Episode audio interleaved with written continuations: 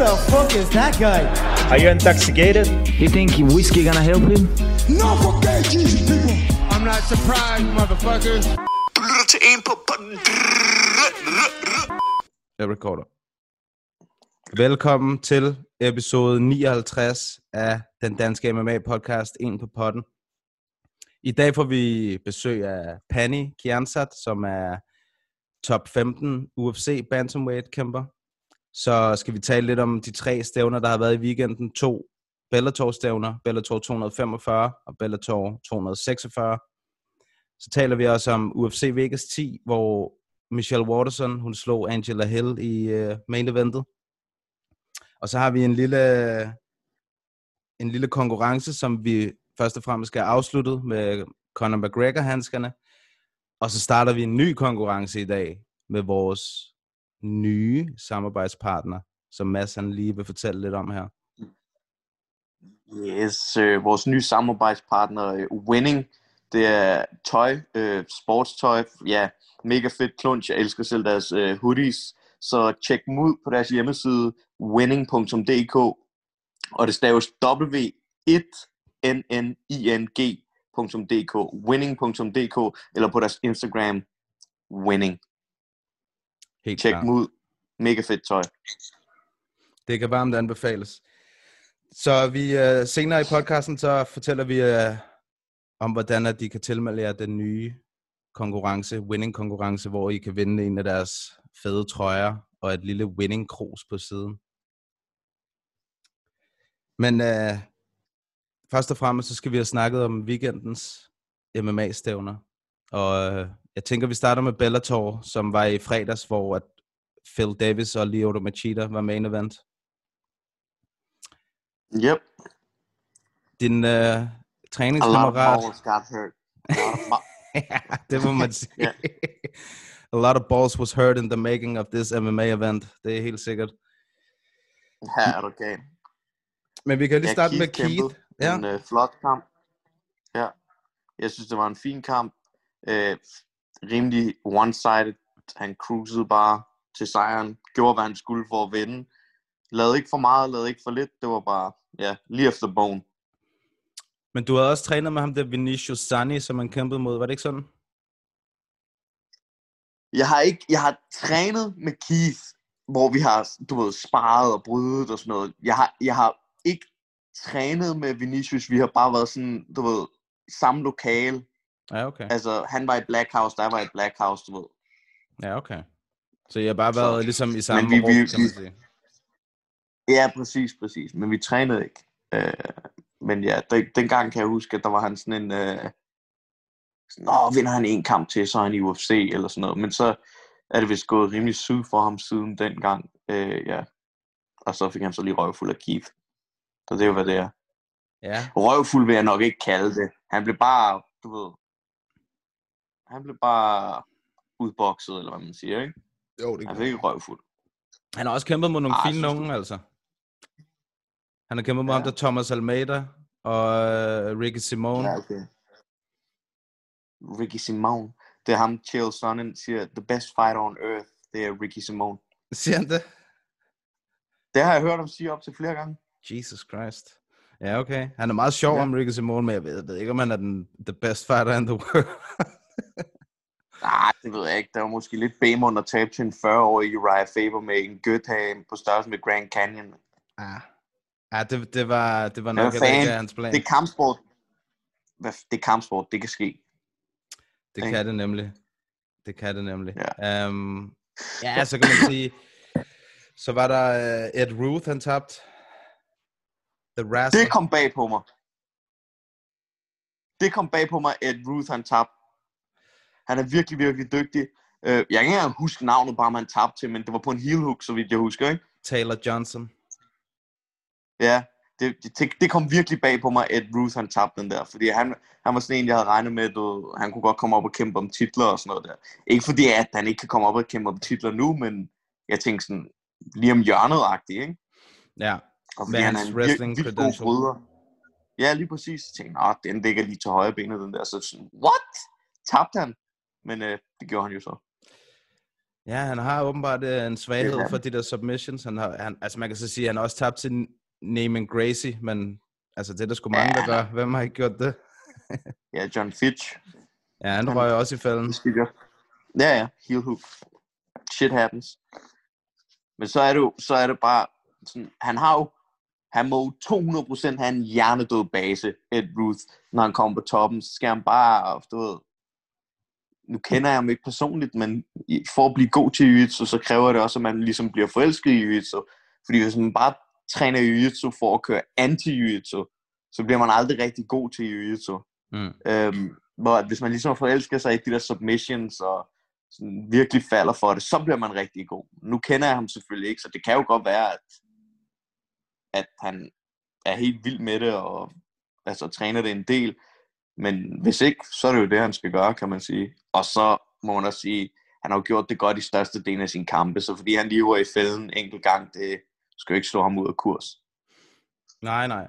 Um, but, altså, når man, når man kommer ind til MMA med sådan en stærk wrestling-baggrund, og øh, du ved, man måske ikke har gjort sig så meget i jiu-jitsu, uh, altså, hvor langt er man så bagud, ligesom kan man sige? Fordi man har jo grappling og det der med, at man kan lad mig sige folk nede og sådan noget. Lad mig sige det sådan her. Hvis du kommer fra sådan en fristil, fristil eller folk style, ikke? Ja. så er, så er du ikke langt bagud. Du, altså, du er ikke bagud på nogle områder. Du skal bare lære, fordi positionsmæssigt, så kan du dit kram, hvis du er god til folk style eller freestyle wrestling. Ikke? Men, men så er det bare submissions, du skal lære, og hvordan de fungerer, og hvordan folk sætter dem op og sådan noget. Det er nok mere det, man skal lære, vil jeg egentlig sige, end alt det positionsmæssige øh, ved USO. Mm. Ja. Ja, og man må gå ud fra, at ens kryptonit, det er, når man kom, selv kommer til at ligge på ryggen, ikke? Fordi det er jo ikke noget, man sådan er vant til som brødre.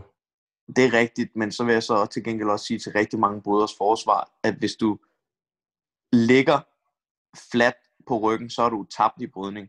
Så de er mega gode til ikke at ende der, Mm. og gode til at scramble op, hvis det er, at de endelig bliver sat på røven, ikke? Ja, ja. Det er altid, jeg synes altid, det er spændende, når man får sådan en rigtig god bryder ind. Altså, fordi det er, det er sgu bare den bedste base, i hvert fald i min, øh, Ja, ja, ja, i ja. min holdning, kan man sige, at når du kommer ind til MMA, så er det da klart det bedste base at have, det må være brydning.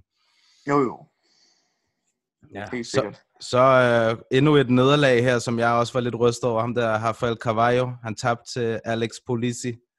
Men han har været en dårlig steam Cavallo, så vidt øh, jeg husker, ikke? vildt, og han så bare ud til, at der var virkelig ikke noget at give af. Altså, han blev, han blev fuldt owned af ham der.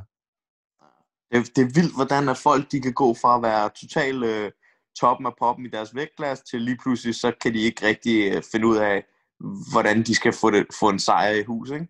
Mm. Ja, det gør også lidt ligesom noget, det vi snakker om her for nylig, det der med, at når man har været helt oppe i toppen og kæmpet om titlen, og måske har været champ eller sådan noget, og du så begynder at Mm. ryge nedad, og det der med, at du skal, ligesom, du skal bygge dig helt op igen til toppen, så kan det sulten måske lidt anderledes, ikke? Jo, ja, det kunne godt være, fordi jeg, jeg kunne forestille mig, at der kan være, der kan være fordele og ulemper ved det hele. Altså, fordelen ved at kæmpe sig op og ikke have været champ, er, at man er sulten, og du ved, man vil gerne bevise folk, at man er god, og dit og dat. Øhm, men den anden side af medaljen, det er, at hvis man har vundet et mesterskab, og man ligesom ikke rigtig kæmper for andet end lysten, så er der måske ikke noget pres på ens skuldre, og så kan man bare, du ved, så kæmper man sgu bare for at kæmpe, du ved, ikke? Så har man ligesom bevis, hvad man skal bevise, føler man måske. Ja, præcis. Ja, okay. For det, det, men det kommer også an på psyken på personen, der kæmper jo, kan man sige. Helt bestemt. Det, ja, det er jo meget... Altså, for, egentlig, jeg glæder mig til at se, hvordan han ligesom bouncer tilbage. Sådan en som Tony, for eksempel, når han skal kæmpe igen. Ja, det er rigtigt. Det bliver sjovt. Det bliver faktisk meget grinerende at se, hvordan, øh, hvordan han kommer til at komme tilbage. Jeg hørte snak om, at de havde snakket om, at øh, Michael Chandler måske skulle mod Tony Ferguson. Ja, fordi at, umiddelbart så var det jo Ferguson mod Poirier, som ligesom var på tegnebrættet. Men den faldt igennem, ikke? Ja, UFC, de vil ikke betale Poirier det, som han vil have. Så nu har øh, Tony Ferguson været med sådan en post på Instagram og sådan noget, hvor, det, hvor han har tagget Poirier og sådan noget, skrevet pay that man og sådan noget til UFC. Mener, når han vil rigtig gerne mod Poirier. Ja, Nå, sjovt. ja det synes jeg er nice. Jeg synes, at- altså betalt over manden, altså. Nå, ja, ja. Ja, folk skal sgu kompenseres ordentligt for at gå ind og, slå hinanden til blods. Ja, og man ved bare, at når Dustin Poirier han kæmper, altså det er altid... Det kunne også være en syg kamp. Poirier war. Ja, for satan. Ja, fireworks. Ja, jeg ved næsten ikke, hvilken en jeg helst vil se, om det skulle være altså Chandler mod Tony, eller Chandler mod Poirier. Jeg vil helst se Chandler mod Poirier, for at være ærlig, men det er fordi, jeg tænker, at der vil være noget federe boksning. Jeg synes, Ferguson, han er, han er totalt god, selvfølgelig, og effektiv, men jeg synes, hans stil, det ligner bare en bunke lort, seriøst, den måde, han kæmper på. men han er, jo, han er pissegod, men det ligner bare lort, synes jeg. Men det virker. Han har sit helt eget system, ham der, som er på en Ja, helt er anden frekvens end os andre. Ja, ja. Men Ja, han er sgu sej, mand. Han er sgu sej, Tony. Ja. Ham kan jeg godt lide. Berg. Lige præcis. Champ shit only. Uh, Phil Davis mod Lyoto, nummer to. Ja, den, den var godt nok. Den må jeg være ærlig sige, den synes jeg godt nok var kedelig. Det var Ja. som om Phil Davis, han lavede lidt en Machida på Machida-agtig. Jamen, det gjorde han også i den første kamp. Det mindede Han faktisk rigtig meget om den første. Sparkede. Stod bare udefra og sparkede og sparkede og dansede lidt rundt, kiggede på hinanden, sparkede, sparkede. Det var, dem, dem, var, dem, var, dem var ikke værd at skrive hjem om, eller hvad man siger. Ej, jeg synes heller ikke, det var det mest seværdige, jeg nogensinde har set. Uh, ja, så kunne man forestille sig. Nej, nu, ja, Bader, han har jo lige tabt ham der ved Dim Nemkov. Ja. ja, det bliver sjovt at se, om det kunne godt være, at de gav Phil Davis, eller ham til Phil Davis, eller hvad man siger, men ja, lad os se, hvad fanden der sker. Ja, han er godt inde nu. Hvad hedder det? Phil Davis, ikke? Han har, han har vundet tre træk. Den sidste, han tabte til, var Nemkov. Nå, okay, shit. Sygt nok. Der er mange, der vil gerne være hævn over ham, der Nemkop. Det må man sige. Især de her dage, nu når han, altså, nu er han jo helt på toppen, så er alle jo efter Ja. ham. Og så skal vi ikke glemme, at uh, der er faktisk en svensker, der har slået Vadim Nemkov. Det er rigtigt, så der. Albrechtsson. Ja, Karl Albrechtsson, han slog ham i Ryzen. Det er sgu meget fedt. Ham slog Phil Davis i forrige kamp, inden han slog Machida Ja, her. ja, ja, præcis. Men det er jo bare endnu et bevis på, at stars make fights, ikke? Lige præcis. du ved, Ali slår Foreman, Foreman slår Fraser, Fraser slår Ali.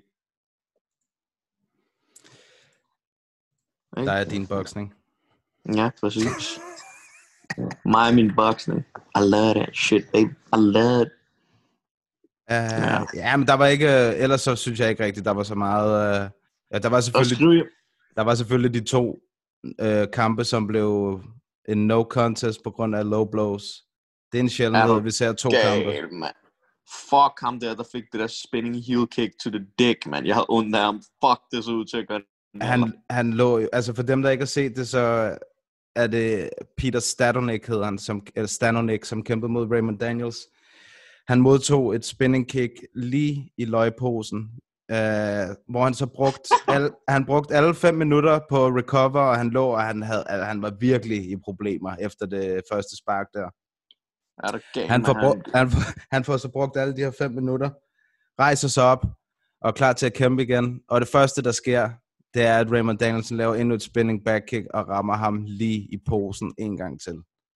Det så er det, jeg ikke forstår, hvorfor man ikke diskvalificerer sådan en gut. Ja, jeg synes, det er svært. Jeg synes, det er svært, fordi det er jo, det er jo tydeligvis ikke med vilje, han gør det. Uh, og jeg synes egentlig heller ikke, at det der, altså jeg synes egentlig heller ikke, at han skal stoppe med at, at, at sende hans spinning back kick afsted, bare fordi han ramte ham i, i løgene lige før. Nej, det, det synes jeg ikke. Altså, det er jo ligesom at, at, at tage et våben væk, ikke? bare fordi han kom til at ramme ham i, lige i posen. I... Ja, okay. Jeg ved ikke. Men jeg synes- jeg, Jeg synes, kampleder skal være hurtige til at være du ved, cold-blooded nogle gange. Ja, nogle gange savner jeg det også, men jeg ved jeg synes, jeg synes For det er eksempel svært også, her. hvis folk holder et hegn, når, når de er ved at blive taget ned. Den sygeste, jeg har set, ikke? det var seriøst Matt Lindland mod uh, Fedor, Ja. hvor at, uh, Matt Lindland, han skyder ind på Fedor, der kæmper de så bare i en ring. Men han skyder ind på Fedor, og får, altså, han har double underhooks og lige til at tage Fedor ned, men Fedor holder i, øh, i rebene. Mm. Så ham der, Matt Lindland, kan ikke tage Fedor ned. Øhm, altså, og han bliver ved med at holde i rebene, og kamplederen prøver at fjerne Fedor, Fedors øh, hænder, og han bliver ved med at fjerne, ved med at fjerne. Men kamplederen siger ikke en skid, så Matt Lindland bruger alle sine, øh, sine kræfter, så Fedor han kommer fri fra den der, og så knocker han Matt Lindland the fuck out, som jeg mener, eller submitter ham i en Kimura, eller sådan noget der. Hvor det- det, bare, det burde bare være første gang, du holder i hegnet, bum, minus point, færdig. Ja. Første gang, du prikker i øjet, bum, minus point, færdig. Jeg synes, den med øjnene er svær, men jeg, kan, jeg, vil gerne, jeg vil gerne gå med til det der med hegnet. Det synes jeg også er ulækkert. Det synes jeg virkelig er Ja. ulækkert. Specielt når folk, du ved, de er ved at få et takedown, og så er der en, der lige, hups, hapser han lige fast i hegnet, der, så han ikke rører ned alligevel. Præcis. Der er enig, der skal også ryge et point. Lige med det samme. Ja. Præcis. Men det der med fingrene, det synes jeg, det, altså, det er sgu også uh, handskerne lidt, ikke, der fucker det op. Ja, det er det. Det er det sgu. Men det er også, mange kæmper, de er vant til at træne rigtig meget i boksehandsker, ikke? Mm. Og i boksehandsker kan du godt strække fingrene ud. Men du, ved, man skal træne mere i MMA-handskerne, og så bare fucking træne på det der med at lukke de der forbandede hænder. Ja, øh, hvad hedder det? Nu ved jeg ikke, om du har endnu har prøvet at have en Bellator-handske på, men er den, øh, ved vi, om den er meget anderledes fra Den er crooked sådan der. Ja, okay. Ja, curve. jeg synes, Uf, jeg synes UFC, hans, den er, for, den er totalt stiv, mand. Det er ligesom, du bare tager et bræt på hånden, ikke? Mm. Hvor at, uh, Bellator-handsken, den er meget, øh, meget øh, sådan bøjet, Ja, så du ikke rigtig kan. Men jeg synes, øh, den bedste handske, jeg har kæmpet i indtil videre, det synes jeg faktisk er Cage Warriors-handskerne. Okay. Den minder, den, De- altså sådan en minder den lidt om, om UFC-handsken, synes jeg. Ja, det kan godt være, men den er bukket. Den er også bukket en lille smule Cage Warriors-handsken af sig selv. Så man skal ikke, fordi nogle handsker, de er så stive, at du nærmest skal bruge kræfter på at bukke dem, ikke? Og det er irriterende, hvor og det er faktisk bedre, hvis de er lidt, en lille smule bukket i forvejen. Det var faktisk netop det, jeg vil sige, at jeg har hørt flere kæmper sige, at de ofte, når, sådan, når de er færdige med at kæmpe, de er helt ømme i underarmen, fordi de skal bruge kræfter på at, at knytte hånden, ikke? Jo, jo. Uh, men det er måske, altså nu ved jeg, at når du kæmper, så har du ikke wraps på. Nej. Så det gør det nok nemmere for dig, men jeg forestiller mig, når man er Det er jo lige netop derfor, jeg ikke har wraps på. Ja, okay. Fordi jeg, jeg, MMA-handsker, ikke? I min optik, så er de slet ikke lavet til at have wraps på indenunder. Fordi et, wrapsen, de fylder fucking meget, og så kan du nærmest ikke lukke hånden. Øh, og handsken er alt for lille til at have alt det der wrapping indenunder. Mm. Og så ens arme, de bliver bare helt øh, stenhårde, fyldt med blod, ikke? Ja. Det er derfor, jeg ikke kæmper med wraps. Det er, ja, men ja, jeg ved ikke, jeg ved ikke, uh, om det, ja, altså, du har vel, man har vel de der wraps på, i og for sig for at beskytte sin egen håndled og sådan noget, knoerne og sådan noget, ikke? Ja, jo, jo. Ja. Så det er jo op til en selv, man, man behøver jo ikke at have wraps på. Nej. Nej, det gør man sgu ikke. Og det, er- du har altid gjort det uden? Eller har Nej, du prøvet ikke altid. på? Ikke altid. Ikke. Jeg har kæmpet med raps, da jeg startede. Ja. Så, men det kan jeg ikke lide, mand. Jeg vil helst gøre det så... Altså alt, når man kæmper, vil jeg helst gøre så tæt. Det skal minde så meget om træning som muligt. Til træning bruger jeg heller ikke raps. Mm. Nå. Altså, man skal træne, ligesom man kæmper. Det, altså, nu kæmper jeg ikke, men det, vil- det vil jeg også skrive under på. Jeg fik også altid at vide, til, du ved, da jeg gik til fodbold, at man træner, ligesom man spiller kamp. Hvis du render rundt og er halvhjertet til træning, så kommer det til at være det samme til kamp, altså. Man må Ja, ja. engagere sig lidt. Præcis. Præcis, mand. Skal vi uh, hoppe videre her til UFC og kigge på nogle af de kampe her? Ja, det skal vi da. Øh, ja, det skal vi. Det skal vi. lige så godt. Jeg kunne rigtig godt lide Jalen Turner mod Brock Weaver. Mm-hmm. Den fik jeg slet ikke set. Nej, Nej, Men, så øh, fortæl mig. Jamen, Jalen Turner, han er jo den her lightweight, som er, ja, det ved jeg ikke, han er jo fandme nærmest to meter høj, altså han er 1,91 og mm. har Mhm. et sindssygt langt reach. Det, var, det her var så en, uh, en catchweight kamp, fordi Jalen Turner skulle have kæmpet sidste weekend, men hans uh, modstander faldt fra, og så skulle Brock Mhm. mm. Weaver, han skulle have mødt Frank, uh, Frank Camacho, som så måtte trække sig på grund af covid. Så de blev så matchet op, Uh, og ham der Brock Weaver, ham kan jeg jo egentlig godt lide, men han har æder fandme fået en dårlig start på sin UFC-karriere. Og han blev også, nu blev han submitted igen for anden gang. Og den er ikke god. Hvad er det ikke ham, der kom for det der Roy Jones øh, fight? Hvad fanden hed det? Island Fights eller sådan noget der. Jo, det er rigtigt. Fedt nok. Det er rigtigt. Han virker meget hård. En af de, jeg tror han var den første mandlige Native American i UFC. Og sygt nok. Ja, han er, han, det, det kan jeg også godt lide. Det er der også noget over, men øh, det, det er sgu ikke gået så godt for, det er sgu ikke gået så godt for ham, desværre. Bare op på hesten igen. Hvis han, ja. er, hvis han er underholdende fighter, så skal de vel nok give ham en chance til, kunne man forestille sig. Det håber jeg. Eller hvis han er sjov, eller du ved, hvis han er en karakter. Det Han virker til at være en karakter, når jeg har set ham. Helt klart. Kommer ind med det der, du ved, indianer-maling på, og det hele, og hat og fjer og alt muligt. Altså, det, det er altid god lir, synes jeg. Hat og fjer. Ja, hat og fjer. Ja. Han er indianer jo. Native American. Ja, ja, ja. ja. Ej, jeg så uh, Billy Carantillo mod, uh, hvad fanden var det, han hed, ham med kæmpe mod? Kyle Nelson. Lige præcis, Carl Nelson. Det var meget fedt. Han har et fedt pres, ham der Billy. Er du galt? Ja, det, altså han lagde godt ud ham der Kyle, synes jeg egentlig, men så, du ved, så Ja, begyndte... første omgang. Ja, præcis. Så Så begyndte han Billy at tage over. slip. Så bliver han slip. Men det, det, det, nu ved jeg ikke, om det er det, ham der Billy, han har tænkt over. Altså, der er jo ikke nogen, der gider at tage unødvendig røvfuld. Mm. Men det der med at gå ind i kampen, og så kan man bare mærke fra starten, okay, man ved, når man har noget erfaring, uh, ikke kun, når man har noget erfaring, så ved man, hvad for et tempo, der ligesom kan holdes. Og han har sikkert vidst, Billy Carantillo, sådan der, okay, det der tempo, det kan der Carl Nielsen ikke holde i sindssygt lang tid. Så jeg går lurer ham af, lurer hans mønstre, og lige så snart tempoet det begynder at sænke sig en smule, så slår han til, ikke? Mm. Ja, lidt ligesom vi snakkede om øh, sidste gang med Overeem og Sakai. Ja, ja. Og så slask, så fik han den. Ja, det, må, have- det var lidt ærgerligt at komme ud til tredje omgang. Man kunne se, at han var helt træt der efter anden omgang, Nelson. Og, så kommer mm. han ud, og så får, får han bare en handske, og så ligger han der. Ja, ja. Ja, det er meget stærkt. Det er sjovt. Jeg husker for siden, så var ham der Billy Carantillo sådan lidt, øh, hvad fanden siger man, sådan lidt, øh, ikke journeyman, men sådan en, man ikke rigtig regnede med. Han var også med i det der tough med McGregor. Ja. Og øh, Uriah, hvor han ikke gjorde det sindssygt godt. Og så kommer han ind nu, og så giver den gas og smasker løs. Ja, han Det er er, fedt. han er godt kørende. Han har ikke tabt siden 2016. Nej, det er fedt, man. Det er stærkt. Godt for ham. Ja, ham, kan, ham, ham er der også noget i, synes jeg. Ham kan jeg meget godt lide at se. Ja. Så var der en ny heavyweight, som jeg egentlig synes gjorde det ret godt.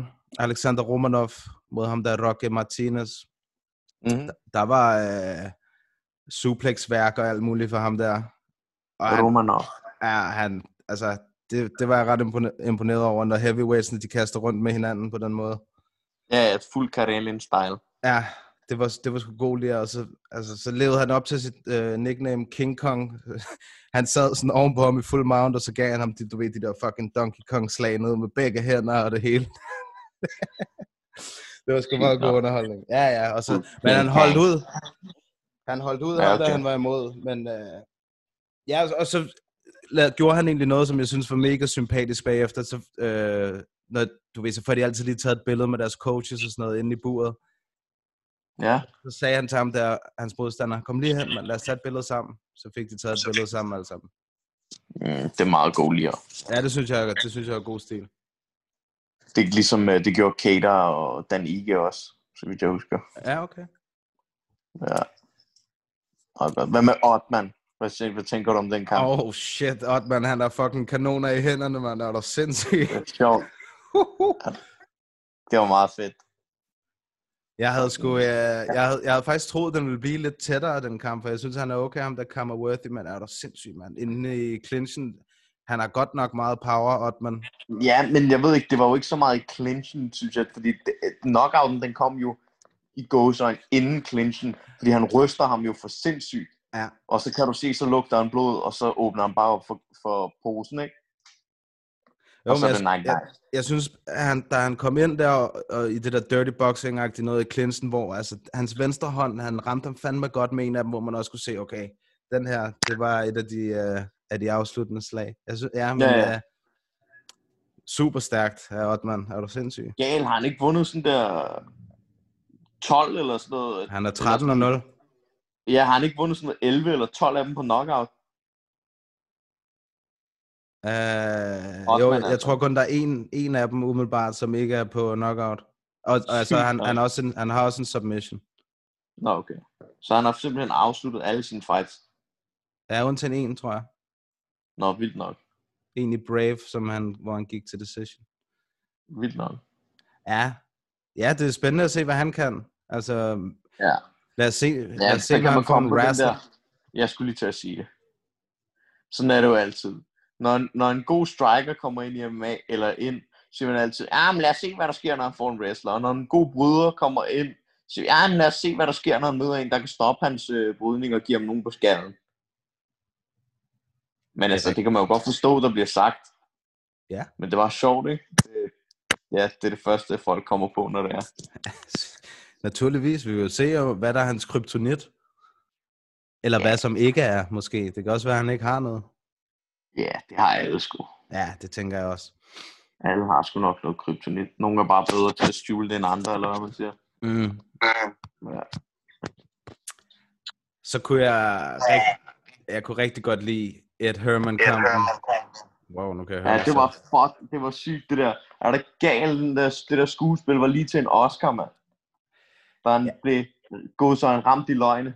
Ja, det var mærkeligt, det der. Det var rigtig Ja. mærkeligt. Men der var en, der sendte mig, at, øh, at UFC, de har efterfølgende, på grund af den der kæmpe dommerfejl, ikke? Ja. Så er de til ham, der tabte, var det Mike Rodriguez, han hed? Ja. Ja, der har de sendt hans win-bonus også. Ja, okay, det er meget god stil.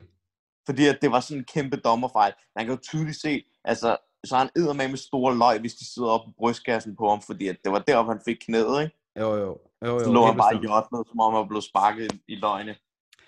Men man kan sige, det, altså, det er jo ikke Ed Hermans skyld. Det er klart dommerens skyld. Og i det der post-fight interview, der var han også helt ærlig, Ed Herman, og sagde, jeg er sgu ikke sikker på, du ved, hvor den ramte mig, men jeg gik ned, sagde han bare. Ikke? Altså, Nå, jeg, jeg, er ikke sikker på, om det var kroppen, eller løgn, eller hvor det var, men jeg gik ned.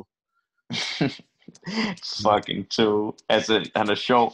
Jeg er ikke sikker på, om jeg blev ramt i nakken eller i klunkerne. Øh, okay, så tror jeg, du skal gå til lægen, min ven. det kan forskel. Ja, det var, men øh, det- er du sindssygt comeback, mand? Jeg sidder med mig også som en sæk kartofler om det, Ed Herman.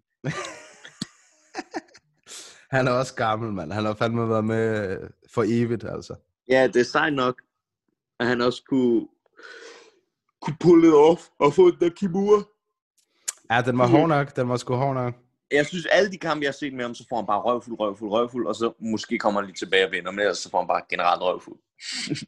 Han har, han har altså vundet tre træk nu i den der division. Ja, ja. Det, det er sgu voldsomt, altså. Han er 39, han bliver 40 her lige om lidt. Sygt nok. Ed Herman. Ja. Men fanden var, var det også ham, der i sin tid sagde, det var også en Herman, men jeg kan, jeg kan aldrig huske, hvem fanden det var. Det var en, der sagde, inden han skulle møde en af Noguera-brødrene, at Jiu-Jitsu virker ikke. Og så altså, kæmpede han mod en af Noguera-brødrene, og så blev han bare submitted. Paint easy. Jeg kan ikke huske, om det var Ed Herman, men han har ikke mødt en af Noguera-brødrene. Kan det være Dave Herman, han har heddet? ja, det der var også en, der hed, det er jeg ret sikker på. Skal vi prøve at se her. Det må næsten være ham, mand. Dave Herman. Dave P. Wee Herman. Ja, det, det, er, det er Dave J. Herman. Ja, han blev submittet af Antonio. Ja, armbar. Ja. Ja, Okay. Så går det ikke at sige, at det ikke virker. Men så kan du godt huske lidt alligevel. Nå, ja, ja, ja, ja. Selvfølgelig kan jeg da huske noget. Uh, en anden en, jeg var rigtig imponeret over, det var ham der Kevin Kroom, som uh, steppede ind på, hvad, halvanden dags notice. Og Og han slog, han slog din boy. han slog min boy Roosevelt. Easy. Ej, det var simpelthen... Hold kæft, han må føle sig som en idiot, om der Roosevelt. Fordi Bisping, han sad under kampen der, han nåede lige at sige, at Roosevelt, han igen havde uh, tweetet ham fra backstage og skrevet, hey Bisping, I hope you enjoy this when I knock out this fool. Og lige da Bisping han siger fool, der får han selv den der, der rocker ham helt voldsomt. Ej, ja, det er ikke altså god. ærgerligt. Den er ikke god. Det er derfor, at man skal aldrig uh, spille kong gulerod inden en kamp, mand. Alt kan ske lige meget, hvor meget man tror, man har den in the bag, du ved, så kan alt ske. Ja, det er altså dumt. Det er altså dumt. Ja. Ja, fuck det. Man kan altid være bagklog. ja, men ja, det ved jeg ikke.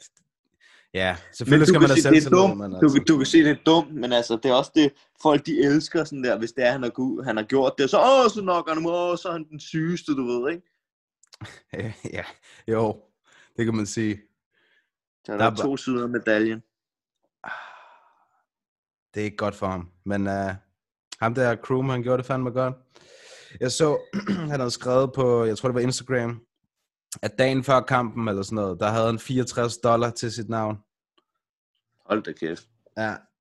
Så uh, det har været en god aften for ham, det der. Han fik også... Fik han Øh, performance? yep. Nå, okay. Så, ja, så har det været en rigtig god aften. Han er blevet rich as fuck efter den aften der. Rich as fuck. fuck. Ja, I forhold til, hvad han men, var, øh, der er det helt sikkert. ja, selvfølgelig. Han kan da få en, øh, en cheeseburger eller 15 i hvert fald. Det er da helt sikkert. ja. Han er nok Jo. 50 G's. Ro- Roosevelt Roberts. Lyder som sådan en aristokratisk mand. sådan en uh, straight, straight out of Pirates of the Caribbean. Du ved, de der, de der, de der øh, tumper, der render rundt med de der, øh, de der parrykker på. Kan du ikke huske Pirates of the Caribbean? Alle de der englænder, de der aristokratiske englænder, de render rundt med de der hvide parrykker på. Ja, Ja, ja. Mændene. Fuld Ja. old school. Jeg har aldrig set ind. filmen, men jeg ved, hvad du mener. Jeg har aldrig set Pirates of the Caribbean. Nej. Du sejler. Jeg ved ikke, det er ikke har, fanget. Jeg har aldrig, aldrig været barn, mand. Jeg har heller ikke set Harry Potter, altså. Ah, okay. Det har jeg. Ja, det vidste jeg. Og jeg ved ikke, det det er bare ikke... Uh, det kilder ikke de rigtige steder. Nej, det kan jeg sgu da godt forstå, men uh, det skal ses. Sådan er det bare. Det er bare kultur, eller... Men okay, det? men okay, du er også en gammel mand i forhold til mig, så det er klart jo, du Jamen, det er rigtigt. du er den samme. Jeg har set Bjergkøben Grand Prix til gengæld. Altså, det har jeg ikke. Der kan du bare... Der er helt sikkert nogle af vores lyttere, der kan genkende uh, Bjergkøben Grand Prix. Ja. Nå, uh, main eventet. Ja. Michael Watterson mod Angela Hill. Ja. Jeg må være ærlig at sige, om du så betalte mig for at se det, så vil jeg ikke gide at se det. Så jeg gad ikke at se det. Jeg kan, altså, jeg vil også sige, at mine øjenlåg, de var forholdsvis tunge på det tidspunkt der. Ja. Det var ikke så seværdigt. Altså, det var, altså, den var tæt. Det var den. Og jeg, jeg, synes egentlig, jeg synes egentlig, det var fair nok, Waterson, hun vandt. Mm-hmm. Hun lagde- sådan. Waterson. The Karate Hottie. Mm. Ja, men uh, Michelle, hun, hun stak af med en uh, split decision. Ja. Tillykke til hende. Tillykke til hende. Ja. Så kan vi lige uh, gå igennem det, det andet Bellator-event her. Der er hvad? Der var ja, to kampe måske, som jeg synes var rigtig Patchy og Juan Archuleta. Ja. Og hvad fanden var den anden? Naaman Gracie mod John Fitch. Der var den, det var det, det var præcis. Gal, mand. Jeg har kort tidsudkommelse, som jeg ved ikke, som guldfisk. Men det der Patchy Mix, det var lidt sådan, som jeg havde regnet med, det ville gå, og sådan, at øh, han, du kan ikke grapple sådan der i fem omgange, og han har aldrig rigtig, af hvad jeg har set, har han aldrig rigtig vist noget stående.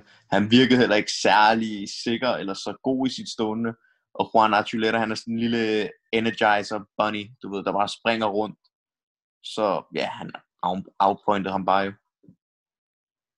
Ja, det var det. Jeg synes heller ikke, der var, øh, der var ikke så meget at rafle om. Jeg havde egentlig også forventet, at Archuleta, han ville nappe den titel der. Ja, det havde jeg også, men så jeg snakket med mange, der er sådan, nej, Patchy, han er for syg og sådan noget. Jeg tænkte, okay, er han så vild? Men jeg har, det der, det der, alle de kampe, der var med Patchy, man kunne finde på nettet og sådan noget, så er det sådan noget, hvor han vinder på et minut, og sådan, så der er ikke så meget at se. Og Ja, mange af dem, kan, der så midter hvad- han i første omgang. Ja, det er rigtigt. Ja, så der er ikke så meget sådan, hvad kan han egentlig? Så jeg var også lidt sådan, hmm, ja, okay. Men okay, Archuleta gjorde det så godt og fik bæltet, ikke? Ja, det synes jeg også skulle... Han er også... Altså, han, god record også, og en fin kæmper, og nogle gode træningspartnere og sådan noget. Han, øh, Ja, han, er sgu, han er sgu en fin kæmper. ja, ja, for satan. Jeg kunne egentlig godt tænke mig, jeg kunne egentlig godt tænke mig at se ham i, i UFC's bantamweight uh, mix, og se, hvad han kunne gøre der. Mm. Ja. Ja, det Der ville være være meget mange gode sjovt. kampe for ham, altså. Jamen, ærligt talt, jeg tror, han vil blive savet af mange af de der bands. Jeg ved det ikke, mand. Det er svært at sige.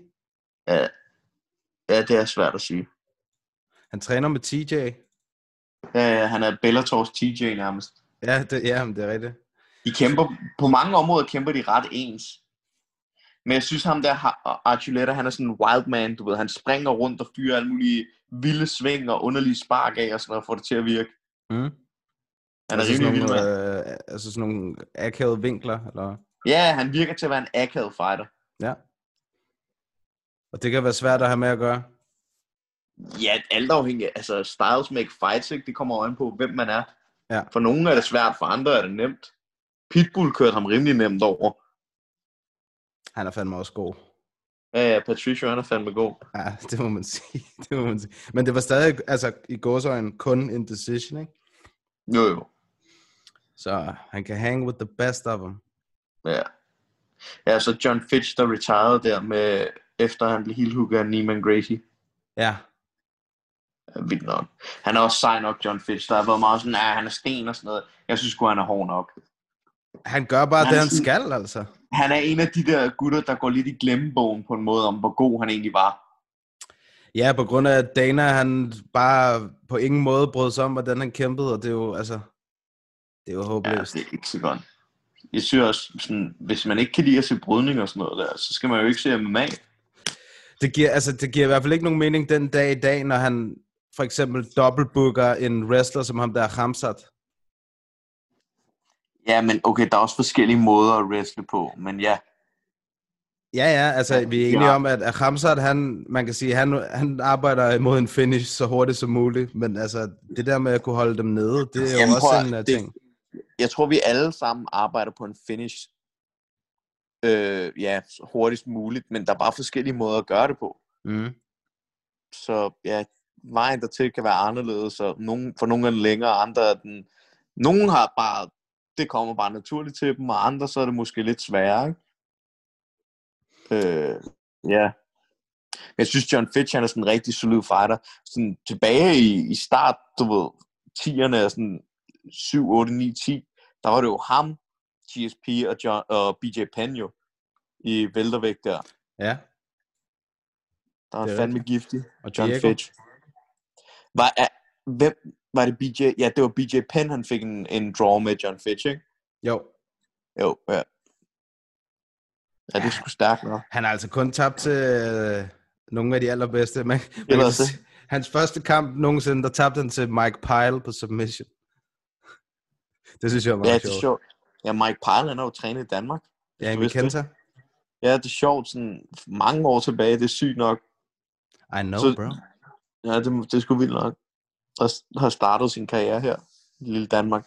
Ja, de havde sådan et øh, sådan en form for udvekslings øh, lille program der, dem og Mikenta og Mike Pyle, og hvor fanden var det, han kæmpede? Var det Extreme Couture? Jeg tror, han har været lidt rundt omkring. Ja, Mr. Pyle. Det, jeg er ikke helt sikker. Jeg tror, han har været lidt Extreme. Øh, Jeg ved, dengang Parlo var over i Extreme Couture, der trænede han en del med Mike Pyle. Ja. Og så har han også været i Syndicate, mener jeg. Og så lidt tilbage i Extreme. Jeg tror, han har været lidt frem og tilbage. Ja. Mike Pyle. Ja. Også en sjov kæmper. ja. Det er ham, alle siger sådan der i træningslokalet, er han bare den sygeste. Men, øh, men i kampen er han, er han ikke så vild. Hvad hedder det nu? Jeg hørte en, der havde trænet, der fortalte en historie om, at Mike Pyle havde trænet med Matt Brown Ja, øh, på et tidspunkt, før at de kæmper mod hinanden, ikke? ja. Hvor Mike Pyle nærmest bare havde banket ham med den ene hånd bundet på, på ryggen. Okay, Og så går de ind og kæmper, og så havde Matt Brown nokket ham. på 29 sekunder. Ja. Sjovt, ikke?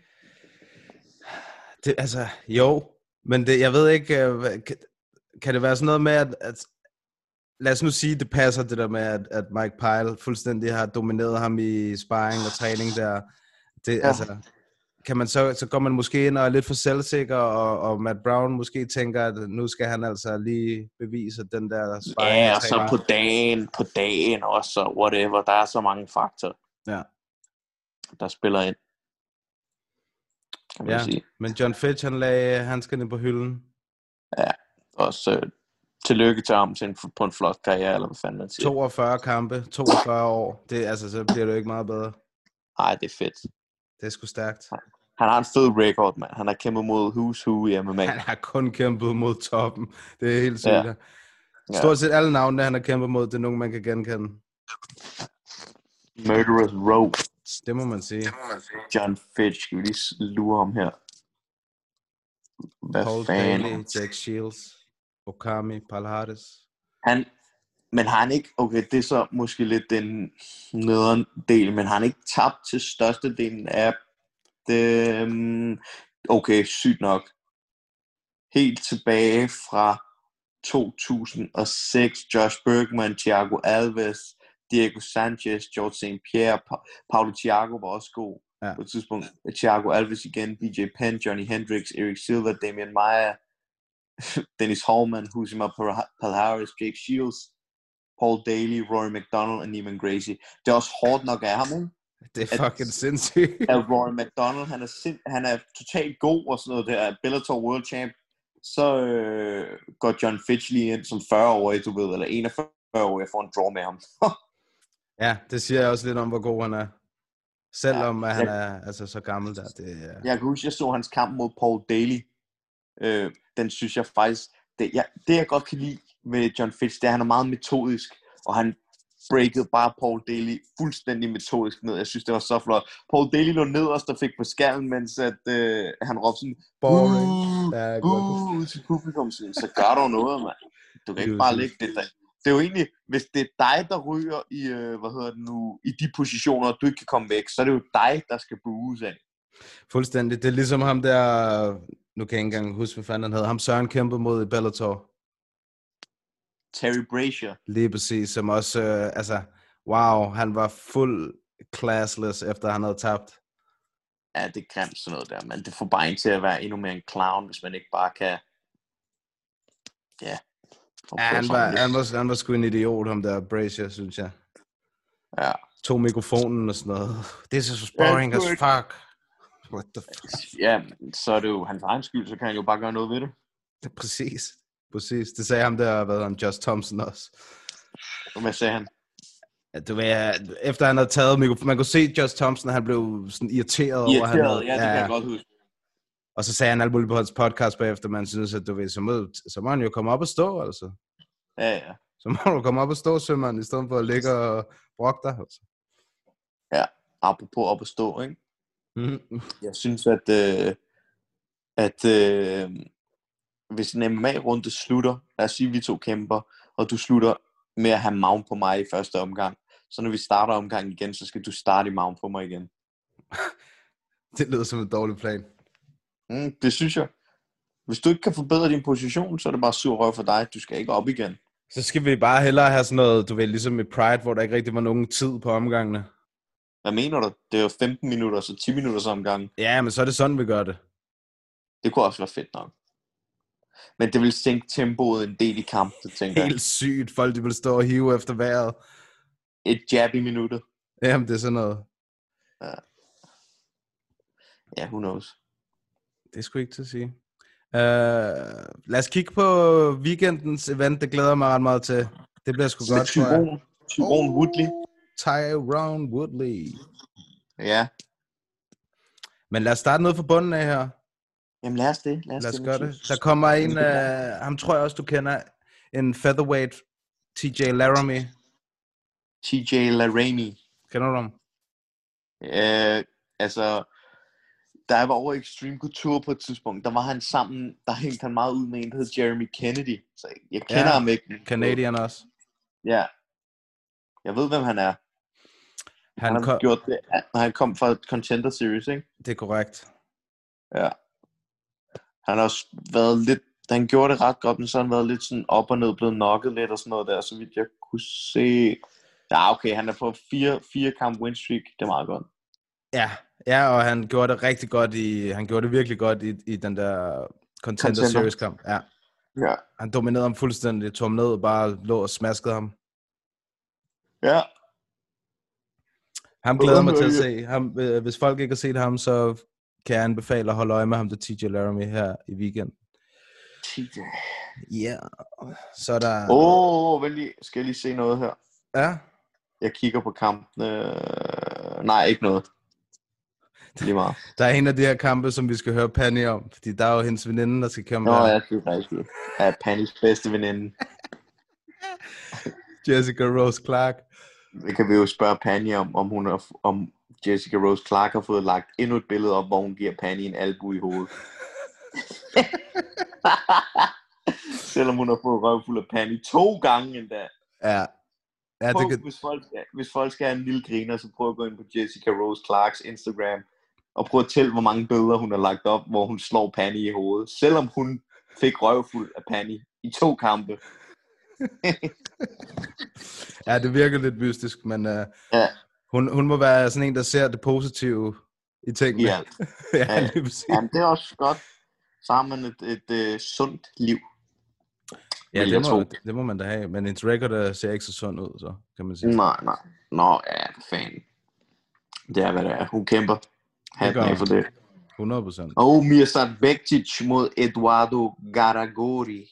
Det er en fed kamp. Jeg kender ikke ham der, Eduardo. Okay? Men jeg vil sige, at jeg tror, at når, øh, det er den rigtige tid at møde Mirsad lige nu. Jeg skulle lige til at sige det samme. Jeg tror også, Han at det er rigtig godt. Total broken. Han, da, da der var, han kom ind i UFC, så tænkte jeg, okay, mand, han har skills, og ham er sådan der. Jeg synes, han var vild nok. Øh, og jeg f- fandt at vide, at han skulle kæmpe mod øh, Dan Ige, der troede jeg faktisk også, at han ville slå Dan. Øh, men fuck, han virker til at være knækket efter det der Elkins nederlag. Helt enig. Der har han helt bare ikke enig. været den samme. Jeg er helt enig. Vi har, jeg tror også, vi har snakket om det før, også før den der Dan Ige-kamp. Der, jeg sagde, der troede jeg jo på, at Ige ville vinde. Ja, Fordi jeg, jeg ser nemlig det samme, som du ser med, at han er, han er knækket, Mirsad. ja. Han har slet ikke den samme selvtillid mere, eller sådan, hans viciousness, den er også væk. Han var sådan rigtig, du ved, gik bare fremad, wrestlede folk, slog dem, gjorde alt muligt. ja. De dage, de er lidt slut. Ja, det kan være, han finder det igen. Men Ja. you never know. Jamen, Han det er heller ikke det så gammel, jo. Nej, nej, det er Han er, rigtigt. heller, han er pæn ung, så... Han er også kun 13, altså han har kun tabt tre kampe, så det er jo ikke fordi, at... Uh... Nej, nej, nej, nej. Overhovedet ikke. Men man kan bare sige, at det er tæt på hinanden. Og det har været... Og det har ikke været sådan, du ved, han er blevet... Han har fået bank. Ja. Det er ikke fordi, at det har været sådan nogle, du ved, sådan helt tætte kampe og sådan noget der. Nu ved jeg godt, at en i-kamp var en split, men ah, ærligt talt, jeg synes, det var ikke en split. Ej, jeg synes også, at Dan han vandt den forholdsvis komfortabel. Klar. Ja. Ja, præcis. Uh, Mackenzie Dern mod Randa Marcus skal også se. Spørgsmålet er, om Mackenzie Dern klarer væk. Ja, det ved man sgu aldrig med hende. Men uh, hun, tog, altså, hun så faktisk rigtig god ud sidst, synes jeg. Mm, hvem kæmpede mod sidst? Hannah Cyphers. Jeg kender hende ikke. Hun er, hun Men er ja. Hannah Cyphers, hun har også, hun har lidt været en uh, prølknap på det seneste. Hun har tabt Mm, Men fire, Emil- hun har tabt fire kampe træk, og alle sammen er blevet finished inden for to omgange. Oh shit. Ja, men altså, jeg regner med, at Mackenzie Dern tager den der. Ja, det tænker jeg også. Specielt også, fordi hende der Randa Marcos, det som ligesom er hendes go-to, det er ofte grapplingen. Ja, så er man pænt fuck, hvis man møder en grappling specialist som Mackenzie Dern. Lige præcis. Lige Men præcis. det kunne- kan jo, det kan jo være, at hun beviser noget andet end Randa Marcus. Nu må vi se. Nu må vi se. Okay. Men det er en, det er en, det er en Kamper. ganske fin kvindekamp, synes jeg. Ja, ja. ja Det kunne helt være. Jeg glæder mig til at se ham der Kevin Holland mod Darren Stewart. Jeg kan rigtig godt lide ham der Kevin Holland. Ja, Er det, det er ham. kender du ham? er det ikke ham, der har slået John Phillips? Øh, Uh, Nej, det har... Jo, det har han. Fuck, han har kæmpet meget, mand. Han har været aktiv siden Ja, han- 2018. Er du han okay? lagde lige ud mod Thiago Santos på short notice. Ja, og så bankede han uh, John Phillips. Ja, han er meget god, ham der, Kevin Holland. Ja, og han er sådan, han er, han er selvtillidsfuld og snakker godt og sådan noget. Det kan jeg godt lide. Han er sgu meget sjov. Lang, og han har Ja, ja, faktisk også rigtig god grappling. Han, øh, jeg tror, det var der Travis Lutter, han træner. Ja, jeg tror, han afslutter Darren Stewart. Ja. På gulvet. Ja, det, men han er, jeg vil sige, han er, han er forholdsvis svær at få ned. Øh, hvad hedder han? Darren Stewart. Ja, Jeg ved godt, at jeg han blev, jeg jeg ved godt, at han blev fuld wrestlefucket af ham der Bartosz Fabinski her for ikke så lang tid siden. Ja, Men det er ligesom ja, også hans ja. bread and butter, ham der Fabinski. Jamen, ærligt, jeg ser ikke det vilde i Darren Stewart der. Altså, han er da dygtig og alt muligt, men jeg tror ikke, jeg ser, Kevin Holland har en bedre aktie, eller hvad man siger. Mm. Ja, Jeg er enig. Jeg er enig. Jeg tror også, Kevin Holland, han napper sejren i den her kamp. ja. Og så er vi tilbage til en, der ligesom er faldet gedint af hype-trainet. Johnny Øh, Walker. Kamsat. Nå, okay, Johnny Walker. Johnny Nå, Walker. der er faldet af. Ja, Ja, okay. det er blevet derailed, det hype-train der. Johnny Walker mod Ryan Spann. Jeg kender ikke ham der Ryan Spann rigtig for at være. Han Ærligt. kommer også fra, hvad hedder det, Contender Series i sin tid. Ja, Uh, han træner Fortis MMA. Rigtig godt, uh, godt gym. ja. Han er også han er ubesejret, han er ubesejret i, hvad hedder det? Han slog ham der Emiliano Sordi, Og han er meget god. Det er Ja. ham, der er, hvad hedder det nu? øh, PFL. Han er, au, for satan. Han er PFL-champ. Ja, ham submittede han efter 26 sekunder i Contender Series. Det er stærkt nok. Så han slået knockoutet Noguera, Ja, submitted Devin Clark, ja. og så har han en split decision over Sam Alvey sidst. Lad os se. Johnny Walker, han er sikkert sulten for at bevise, at han er, hvad folk tror, han er, eller hvad man siger, ikke? Og de Ja. ja. to andre bare har været flukes, eller hvad man siger. Han, er, han skifter, han har skiftet meget camp her, øh, hvad hedder han, um, Johnny Walker. Før sidste kamp, der var han hos TriStar, og jeg kan se, nu har han været i øh, SBG, Mm-hmm. så uh, det, er- det er jeg lidt spændt på. Se, hvad fanden Jeg der kommer til at ske. han, hvem fanden har han trænet med i SBG, der på hans størrelse? Det er et godt spørgsmål. Ja. Det er sgu et godt spørgsmål. Men de er gode coaches. Ja. Yeah.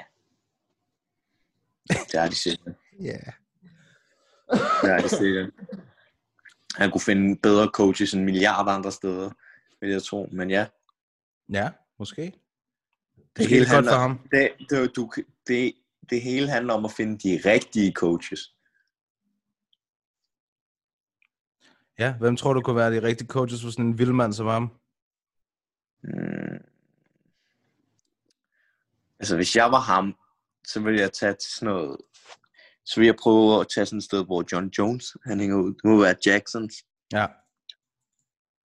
Fordi han kunne godt have lidt samme kropsbygning som John Jones og sådan noget der. Ja, lang. Virkelig lang. Og John Jones var også en vild mand i starten af sin karriere. Han havde bare wrestling til gengæld i Ja, baglommen, ja, og det har Johnny Walker på ingen måde. nej, nej. Men jeg er Nej. spændt på den her kamp. Jeg, øh, altså, min umiddelbare prediction vil være, at der er en eller anden, der bliver slukket helt voldsomt i den der kamp. Prediction. Ud til jeg ikke. Ryan. Jo, jo, 100 procent. 100%. Ja, jeg ved det ikke. Jeg kender dem ikke nok til det. Men uh, Kamsat mod Gerald Merchert, Ja. den er, den er lidt disrespectful, den der matchup. Den Merchant. grund- Ja, over det der med, at de har booket Kamsat, og, og så har de kraftigt booket ham igen, om ikke særlig lang tid. Du ved, det er sådan, de siger nærmest til ham mellem linjerne, Gerald, you a bum. Lige præcis. Jamen, det gør de. Altså, det er ikke Ja. noget mellem linjerne. Det er, altså, Ja. de fortæller ham det straight to his face. Ja. Ja, det er lidt fucked up, synes jeg, sådan noget der. Gerald, du er the sacrificial lamb i den her weekend. Derfor, derfor hæpper jeg lidt på Gerald, for at være ærlig. Men jeg ved godt, at det kommer nok ikke til at ske, men jeg elsker, når sådan nogle der lige sætter en uh, kæp i hjulet, eller hvad man siger, ikke? Ja, ja, ja. Men altså, det kommer sgu nok ikke til at ske. Han ser rigtig tavlig ud, ham Kramsat i hvert fald. Ja. Og Ja. ja, jeg, jeg tror også, at det, jeg tror, det kommer til at ligne de andre kampe, han har haft indtil videre. Det er højst sandsynligt. Det må jeg skulle sige. Højst sandsynligt, du. Hvad så, altså, hvad så? Lad os nu sige, at han kommer igennem Gerald Merchant, easy peasy, en omgang Mhm. mm-hmm. eller halvanden, eller hvor meget det nu kommer til at omtage. Øh, Ja. så er det Damian Meyer. Ja. Ja, det er et godt spørgsmål. Øh, fordi Damien Meyers brydning, den er så... Du ved, der er nogle gange, når jeg ser Damien Meyer, tænker jeg, holy shit, hans brydning er god. For eksempel, da jeg så mod Chael Sonnen. Ja. tænker åh, gav han er god. Men så ser man ham mod Tyron Woodley, så ligner han bare, du ved, så har han bare ingen nedtagninger i lommen. Men ja, ja, jeg ved det ikke, fordi det, jeg har set med Kamsat stående, teknisk ser han ikke særlig vild ud, men han ser, god, god, ser ud til at have god power stående. Så spørgsmålet er, hvis Damien Meyer kan få ham ned, så tror jeg 100% Damien Meyer vinder. Så kommer Det det tror jeg. Ja, så tror jeg, at Damien Meyer øh, tager ham. Men øh, hvis øh, Kamsat kan holde den stående, øh, ja, så tror, han, så tror jeg faktisk, han knock-outer Damien Meyer. Ja, det bliver, jeg glæder mig bare til at se. Altså først og fremmest til at se, om uh, Hamster den kan fortsætte den der terror, han har været på. Mm. Og så ja, selvfølgelig, altså, hvis det kommer til Damian Meyer-kampen, så bliver det, så bliver det rigtig spændende. For, øh, altså, vi, har, vi har jo set ham mod en, en god bryder i, øh, hvad hedder han? Altså, det har vi jo set ham mange gange, men især den der mod Ja. Ben Askren, ikke? der var det virkelig brydning mod ja. Jiu-Jitsu. Ja, ja, ja, men jeg synes også, der er forskel, fordi for eksempel Ben Askren, ikke? han er ikke sådan en powerbryder. Mm. Ved du, hvad jeg mener? Ja, Han er mere sådan en slickbryder, hvor Tyron Woodley, han er sådan en powerbryder. Sådan en, der blaster en dobbeltlæg og Ja, der noget. bare blaster folk, du ved, der er bare fysisk specimen. Sådan Ja. en har Ben Askren aldrig været. Chill Sonnen, han er, han er måske sådan, han er måske også mere sådan slick øh, gut. Han er ikke, han er ikke øh, heller ikke bare sådan en, der blaster folk. Og jeg føler lidt, Kamsat, han er sådan midt imellem. Han har i hvert fald styrken, ligner det til, at han kan, du ved, blaste igennem med en dobbeltlæg, men han ser også ud til at have teknikken til at, du ved, at bare kunne holde dig på plads og bare smaske dig. Ja, præcis. Præcis. Ja, nu må vi se. Ja, det, jeg ved ikke, jeg har det lidt som om, det er den, bare på grund af Hamza, at han har hele den der aura omkring sig i PT, så det er i hvert fald en af dem, jeg glæder mig allermest til. Øh, Maja og Kamsat? Ja, nej, bare at se Hamza her i weekenden, altså, det, det glæder jeg mig til. Nå, okay. Ja, okay. Så har vi, oh, det her, det synes jeg et, uh, jeg synes, det er et svært matchup for en af dem her, så kan du gætte, hvem af dem det er. Donald Cerrone mod Nico Price. Don Cerrone, han bliver nokket.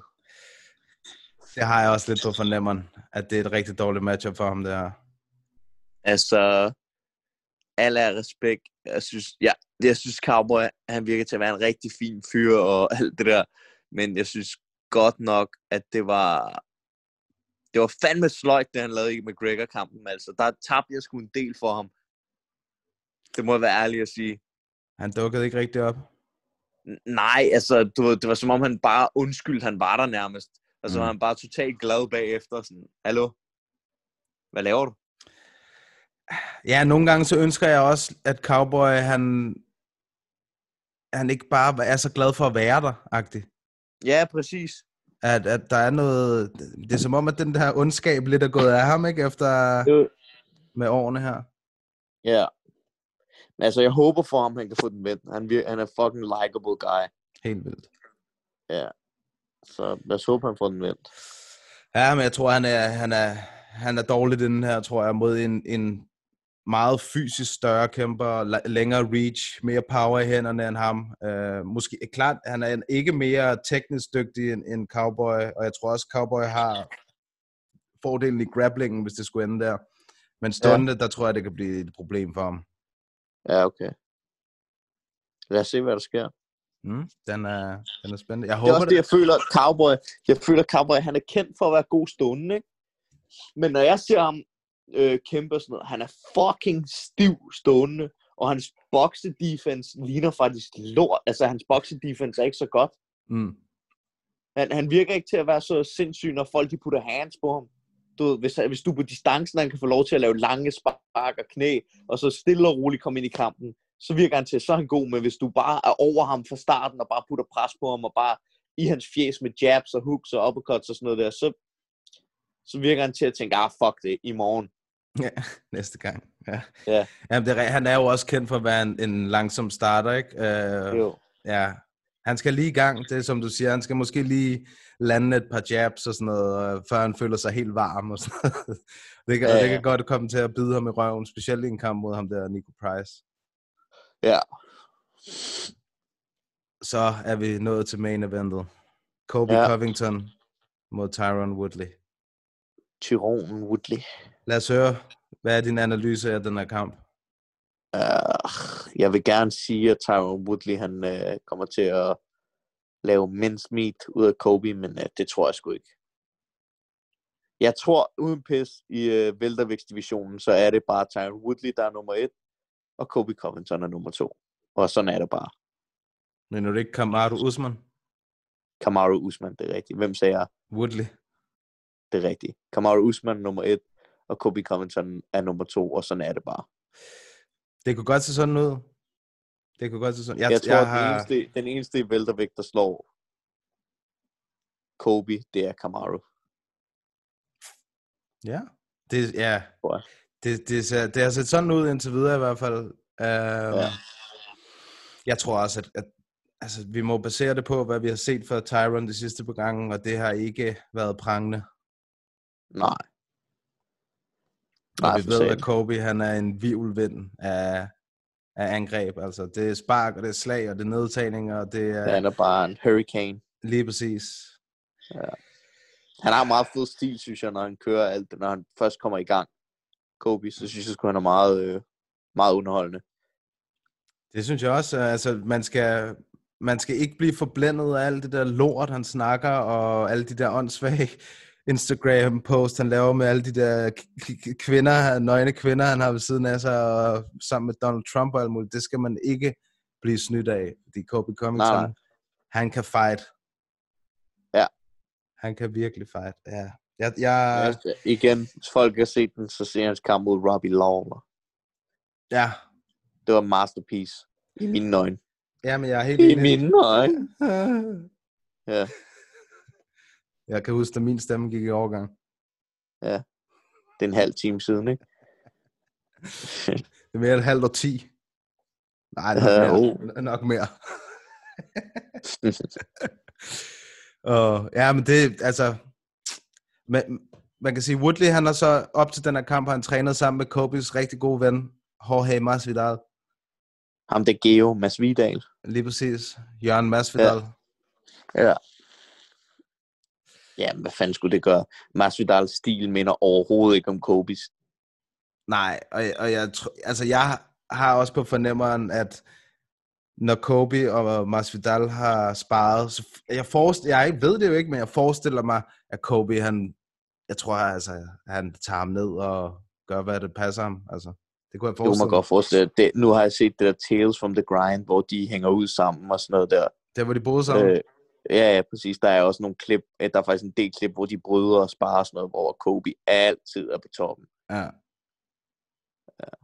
Ja, så det er også, du ved, hvad, hvad har han kunne bruge Masvidal til? Er det et eller andet, er det noget insight? At, altså, fordi man tænker, det er jo ikke rigtig sådan den Nej, men perfekte sådan være sparringspartner. sådan tenden, tendenser. Hvad, hvad, hvad kan han godt lide at lave? Du, hvad tænker han i hvilke positioner? Det kan jo være, det er sådan noget der, Masvidal ved. Jamen, det er det, jeg mener med insight-viden, ikke? Fordi Ja, ja. umiddelbart så, sådan rent fightingmæssigt, så giver det måske ikke så meget mening at, at spare med ham. Altså, der skal man nok mere have en, en, en der wrestler lidt mere og er lidt mere aktiv. Ja. Det bliver spændende. Kommer Woodley til at, at fight på bagfoden, uh, som man plejer, eller... Kommer Ja. han til det? Ja, det gør han. Du ser aldrig Woodley tage initiativet. Ej, det er meget sjældent. Det er virkelig, virkelig sjældent. Han er kontrakæmper.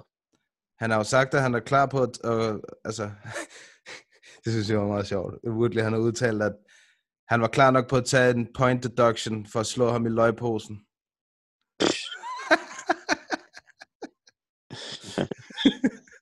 Det synes jeg, der er meget sjovt.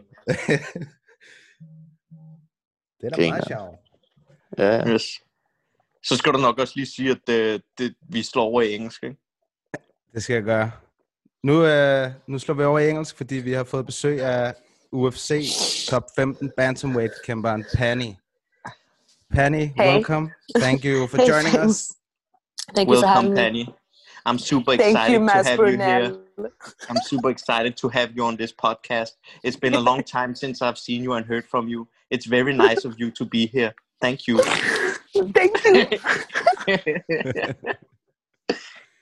Yeah, thank you for having me. Is it good training in Stockholm? Yeah, yeah, it's pretty nice. Who you training I had with? some good. Um, a black belt called Martina, a Swedish girl, uh, and Cornelia Holm. Oh, uh, nice. A, a pro fighter from uh, Göteborg. How long are you staying? Uh, just until tomorrow. Ah, okay, okay. So we have you back soon, girl. Yeah, Wednesday. Oh, nice. So Nice, you've, nice. you've been training in Stockholm these past days? Yeah, yeah. Um, I go there like once a month, maybe more, even more, uh, to do some work for Viaplay. Uh, I'm commentating there. I just commentated the last event on UC, and then I just stayed for a few days just to do some training here. Yeah. I, I'd like to hear your thoughts on the main event. Yeah, I mean, it actually surprised me. It was pretty. It was a pretty good fight. Uh, I was um, I was kind of bummed that the real main event wasn't um, uh, going on with Yeah. uh, Teixeira and uh, Santos. But then, you know, when you heard uh, Angela Hill and Michelle Watterson was going to headline, I was like, oh, what if it goes like five rounds and nothing happens? You know, it's going to be pretty boring. But it was a really exciting fight, and it was definitely worth uh, fight of the night. Yeah, it was it was back and forth uh, for Mhm. almost all five rounds. Wha- What what about the decision? Oh, the decision. winner? Um, mm, no, I think it was the right decision, but I wouldn't be surprised if it would have gone the other way either. I mean, uh, I think that um, Hill had the first two rounds. I was pretty confident she was going to win, but then after round three, uh, four, five, I, I thought she gassed. Uh, I, I thought uh, Watterson just kept the uh, kept the pace up. Yeah. What do you think? I, I agree. I, I I saw a lot of people saying that it could have it could have went both ways, but I, Mhm. I I think I think it was a good decision. Yeah, yeah. I mean, if you only if it would have been a three round fight, Hill would have won, hundred percent. Yeah, I, I think she won the first after, two. Yeah, exactly. Like uh, pretty convincing. But then she was on bottom, uh, like the whole round, round three, and then she kind of gassed. I think it was just because she was getting held down. Yeah, so it was a good, a good, a good uh, turnaround by Watterson. Yeah. Uh, speaking uh, of turnarounds, what about the Ed Herman fight? Oh, He, yeah, got a- yeah, that it seemed like Yeah. he got a cunt punt from Hill, but he didn't. that was uh, no, that was uh, unfortunate for Rodriguez. Honestly, it was it was a clear stoppage, uh, like a TKO stoppage. hmm It was the ref's fault. Hundred percent, it was the ref's fault. I think people are doing wrong that blaming uh, Ed for it because if you were in the same position, no fighter in the world would say yes, that was a knee to the stomach. They would say it was a um, a low punch, like a low knee. Uh, oh, so that's I the, think the Chael Sonnen philosophy. Like, if you ain't No. cheating, you ain't trying. but think about it like who who would say yes it was it was right in the stomach you know you're right no they wouldn't do that they would just lie honestly everybody would i would do it 100% Have you heard that, was in the uh, same. Have you heard that they actually paid Mike Rodriguez his uh, win bonus? yeah that was good that was good Yeah, because that good. means that the uh, the ufc totally agrees but i would Yeah. actually think it's even i think it's worse to have that loss on my record Mhm. than the money i would i would be so bummed for the loss on my record if it Yeah. was like that But if I was Mike Rodriguez, I think I would try to like dispute it to one of the athletic commissions, Mhm. like because Yeah. you can you can clearly see on camera that it was not in the nut sacks. In the he could sack, get yeah. it protested like he he could get it overturned he could yeah, that would be a good case for him like uh, Yeah. usually that things won't like go all the way but this is like a clear uh, Yeah. uh, thing and then like if we don't think about all that we think about the kimura it was beautiful they had Yeah. herman's kimura it was beautiful but you know nobody's thinking about it because the way it happened. Mm. Yeah, you yeah you would think it it, it could be overturned, but I think it's so rare to see them Mm, overturned. exactly. Yeah, but I also think when the reason why it's rare is because usually it's not like so That's clear, clear. Yeah. as it is exactly. now. And when it is as clear as this, the guys that have had the situation happen, they don't try to dispute it. Yeah, exactly. They just let it slide. Yeah, Of I, course, I, nothing I, is getting overturned then. I think they know it's it's a losing battle. Mm-hmm. Mm-hmm. Probably. Mhm. Uh, yeah, one one of your former opponents was fighting as well, Julia Avia. Yeah, yeah. I I watched that fight. Yeah, what do you Um, think? Um, yeah, that was a good fight. I think she had really bad fight IQ in that fight. Uh, I think she gassed herself out. Um, she was a huge, you know, um, Sarge was a huge underdog Yeah. uh, in that fight. Uh, but I think Julia just had the, the wrong fighting IQ for that fight. And I would love for me to have a camp to fight her because I would think that would be totally different. I jumped in for one week, uh, one week's notice to fight her. So I, I really hope I could get a chance to fight her again in a few fights. But I yeah, like the fight. That was a good fight. y- you're you're kind of on a roll now in the UFC. So what what about what about the winner? What about Eubanks? Uh, so I I actually asked uh, my managers if I could fight her, and they liked the idea, and my coach likes the idea. She actually mentioned me when she did her post-fight interview that she could fight me. Uh, it's either I want to fight either her or Jana uh, Kunitskaya. Kunitskaya, yeah. Yeah, yeah. Like uh, what? Sija, Si- what? What? Say her Sarge. name. Sarge. Sijara. Just call her Sarge. Oh, okay, Sarge. Okay, okay. Sarge. Sarge. Sarge. yeah. Okay. So Yeah. I yeah, think so it's- either one of I don't them. know that Kunitskaya girl, but uh, I think you whoop the shit out of that Sarge girl. Yeah, that's a really good fight. I mean, just um, style style wise, I have a lot of people around me in my camp in my in my training partners that has that kind of style. Like she's she's good on the ground. She has good wrestling, uh, pretty heavy, you know. So, I mean, I could use a lot of uh, the folks I'm already training with. It would be a good camp for me.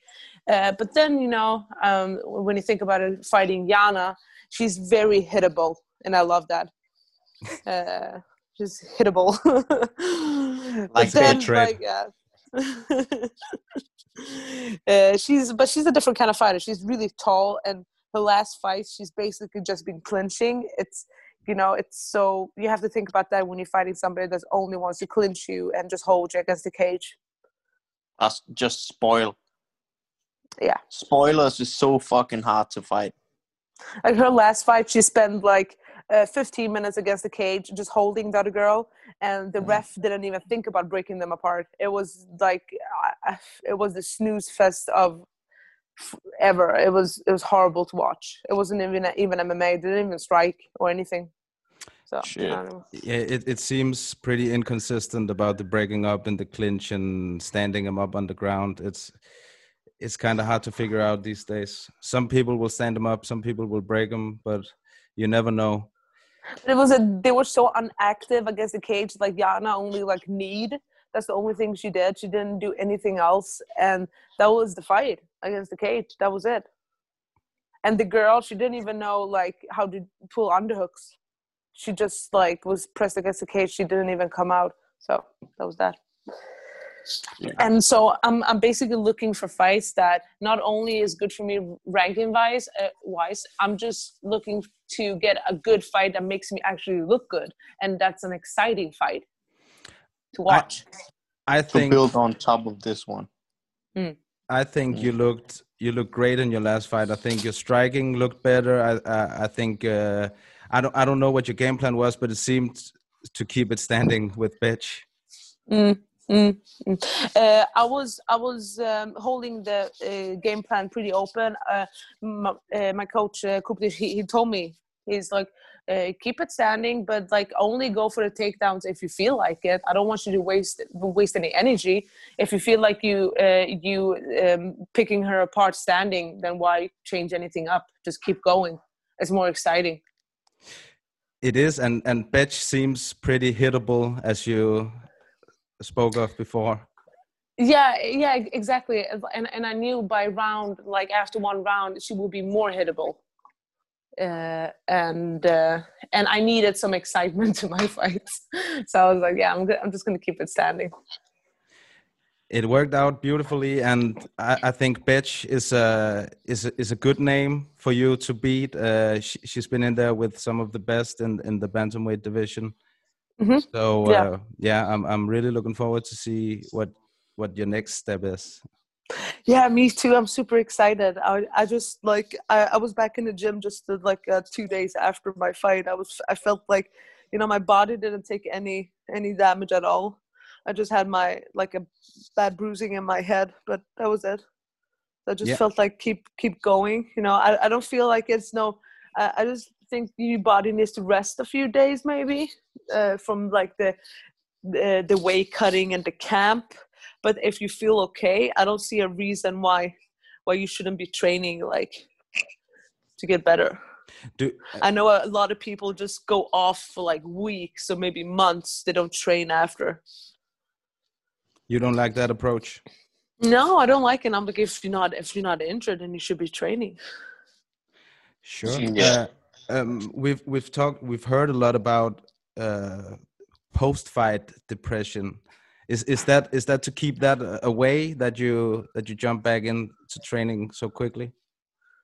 yeah and then and then maybe if you want to fight like soon after i think that's uh, that's the thing too like i had that before too like post fight depression when you feel when you feel like oh i'm not satisfied i'm not i feel it's not enough but i think if you just keep training because uh, the past years it's been like more of a job right? So i don't like i don't have my normal job anymore. I just train basically.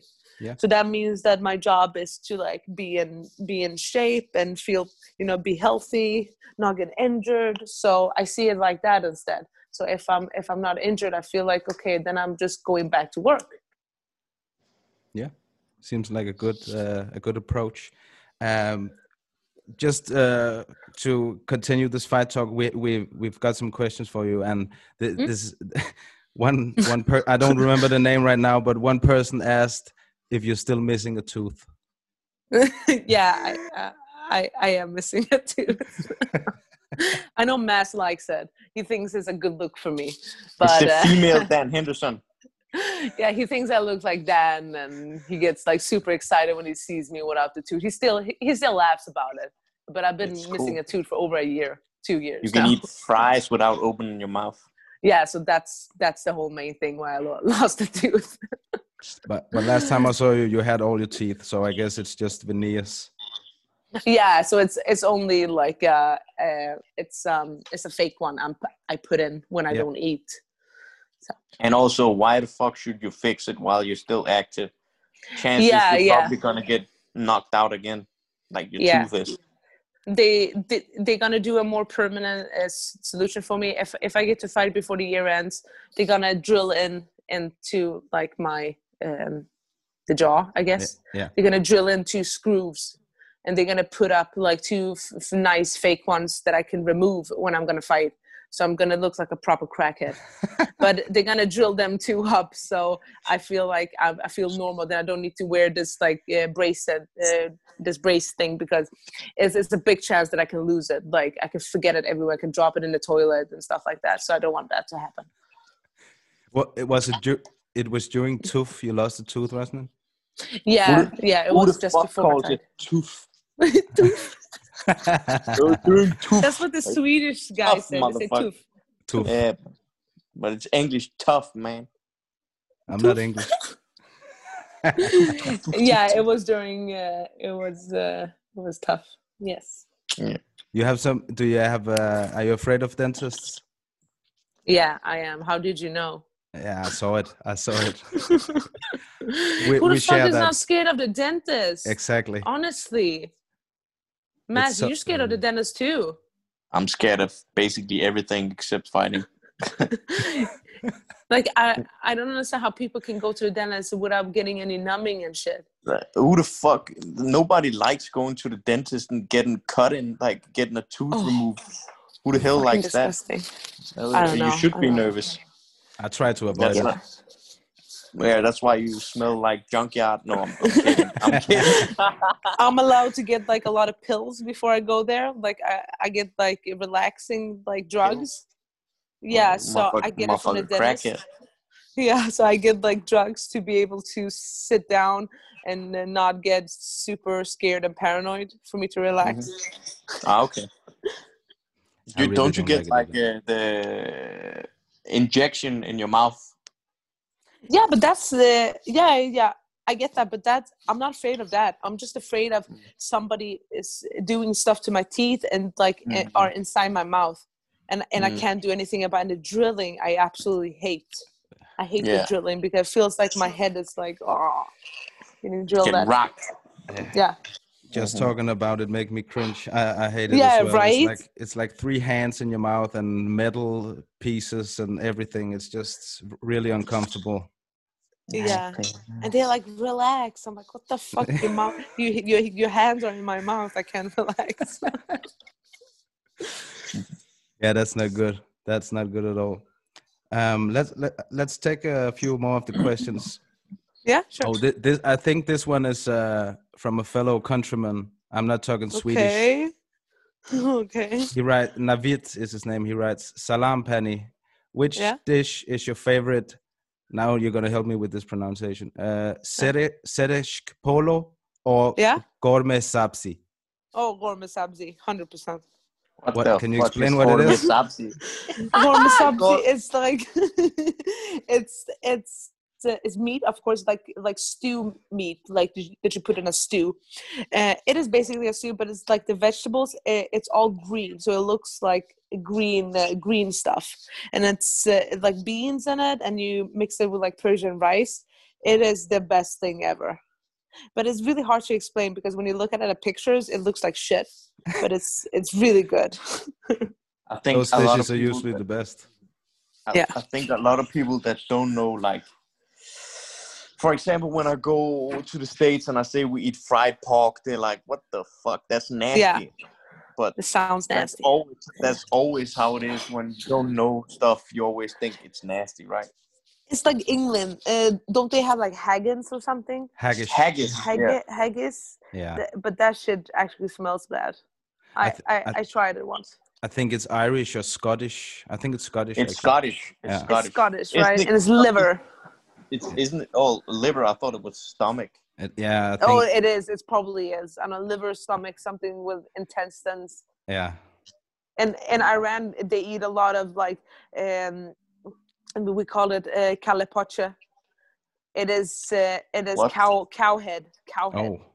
DJ And it's Khaled. basically What? just a head. They just peel it off with the hair and they boil it, but they eat the brain, the eyes, the the tongue, everything. Uh, it is. It, it smells disgusting. Like honestly, it smells like shit. Have you eaten it? Uh, like no, I haven't eaten it, but I've been in It the house. It smells house. disgusting. It smells like shit. Have you eaten it? no, no, it smells. It smells so bad. People say it's like the best thing ever, but when I've been in the house when they prepared it, and it smells like you're in like a sewage. Oh. Like it, yeah, it's it smells really bad. And then they eat a lot of uh, testicle uh, testicles. Yeah, testicles. Ah, that, Tes- don't, don't. Don't. What? Please don't do that. and tongue and tongue. Why? Nah. Can, can you explain what the Sedeshk polo is? Zerish polo. Uh, the, uh, it's like um, uh, it's uh, lamb uh, lamb legs. We say in Sweden. Oh, Like the lamb, the um, and and it's like in a stew as well. It's more of like a tomato thing with some, some white beans and stuff with the rice. So that's a bit different. It's not like the green vegetables, but it's lamb. It's Mm. pretty good. Yeah, it's nice. Everything tho- is good. Are those two dishes like the Iranian national dish? Kind Yeah, they kind of they kind of are. Yeah. Uh, warm sabzi is and yeah. Okay. Good. this, this is this is maybe a question for both of you actually. Can being a UFC fighter be deadly dangerous? what the fuck? That's, I don't even know how to like. What does it mean? I'm not sure. Matt, Matt, you, Dangerous. you answer. You answer. Can you die? If of course know, you can die. You know, you know, you sign that when you fight that all kinds of that you know all kinds of shit can happen. So yeah, it, it You can be. basically sign that if I die, I die. That's it's not UFC's fault. I think that's answer enough. Yeah. But it but it's like that with all the MMA e- eh, events. It's like you know the risk, so we don't take any responsibility. You know, and you basically just sign away your life, and everybody's like, "Yay, I'm a UFC fighter." Signing Entertain away my life. Yep. Yeah, we we've got another one here. Hey Penny, how come you started training in Denmark? Um. Oh, that's a good question. Uh, so I'm from Helsingborg, and uh, we um, my first gym was in Kaishu, and I basically after like two years I was training. We didn't really have uh, any coach really. We just helped each other out, and my friend and my teammate Mats Nilsson went over to Copenhagen to train at Rumble Sports. And I basically just came with him two, three times a week because it was the closest way. Uh, it was the closest gym to come to that was really good. Or else you had to go to Stockholm, and that's like uh, many hours away from me. So that's what I started to do, and uh, I'm and it was really close. I just took the boat over and took the train, so it was comfortable. That And was you, it. and you still like Denmark? Yeah, it's fine. I have to. I have to be honest. I just don't like to go in town in, in Copenhagen. It's way too much noise for me. It's uh, it's Preach, crowded, and there's a lot of hipsters. It's uh, I Oh. basically could just go there to training. That's it. talking But that like, talk. and it's expensive. It's It so expensive being in Denmark. It's like I'm losing. Like buying a coffee will like ruin me. but kind of is. Uh, but but then the years went by, and you know MMA gyms started to open in Malmö, and you know. But then I felt like I don't want to leave because I felt like um, when I when I came to Denmark, it was um, I felt like I had it. Um, you know, for myself because Malmo has been it's growing so much, and there's so many MMA gyms. But is uh, I like going there because I don't need to like deal with this like macho thing, you know. Uh, I'm going away from that a bit, and then I'm just comfortable. I've been training with these guys for like almost eight years, and I just don't feel like leaving just because going to somewhere closer, but it's not really good enough. You know what I mean? Yeah. I'd rather take a longer way to go to training and get what I want instead of get going somewhere closer, but it's not it's not good enough. And you do have some uh, great training partners in Denmark. Yeah, they're okay. yeah, they, they're good. yeah, they're okay. Yeah, I had Max Spinell, I had Dami Hadzovic, I have Louis Grisman, Mac. I have many, many amateurs and pros. That's great, Penny. Um, here's another question from Joachim. Yeah. He writes, Yeah. Hey, Penny. First off, I'd like to say that I love to see you fight. Would you like to fight your countryman Lena again? Uh, ranking wise, Ugh. that would be a good fight. Or would you rather meet another top 10 fighter? And lastly, uh, Yeah. will we have the opportunity to see you fighting on Fight Island again? You have uh, good experiences from Fight Island. uh, first, I mean, if the opportunity would come and they say, "Hey, you want to fight women fighter?" I would never say no. I would say yes. But the thing is, I don't think she's had she has an interest in fighting me because she she expressed that a few times that she doesn't want to fight me. So, uh, and then and then I think that I already won that fight. I shouldn't be begging for that fight. She should be begging me for that fight. so, um, but yeah, if the opportunity comes, I won't say no.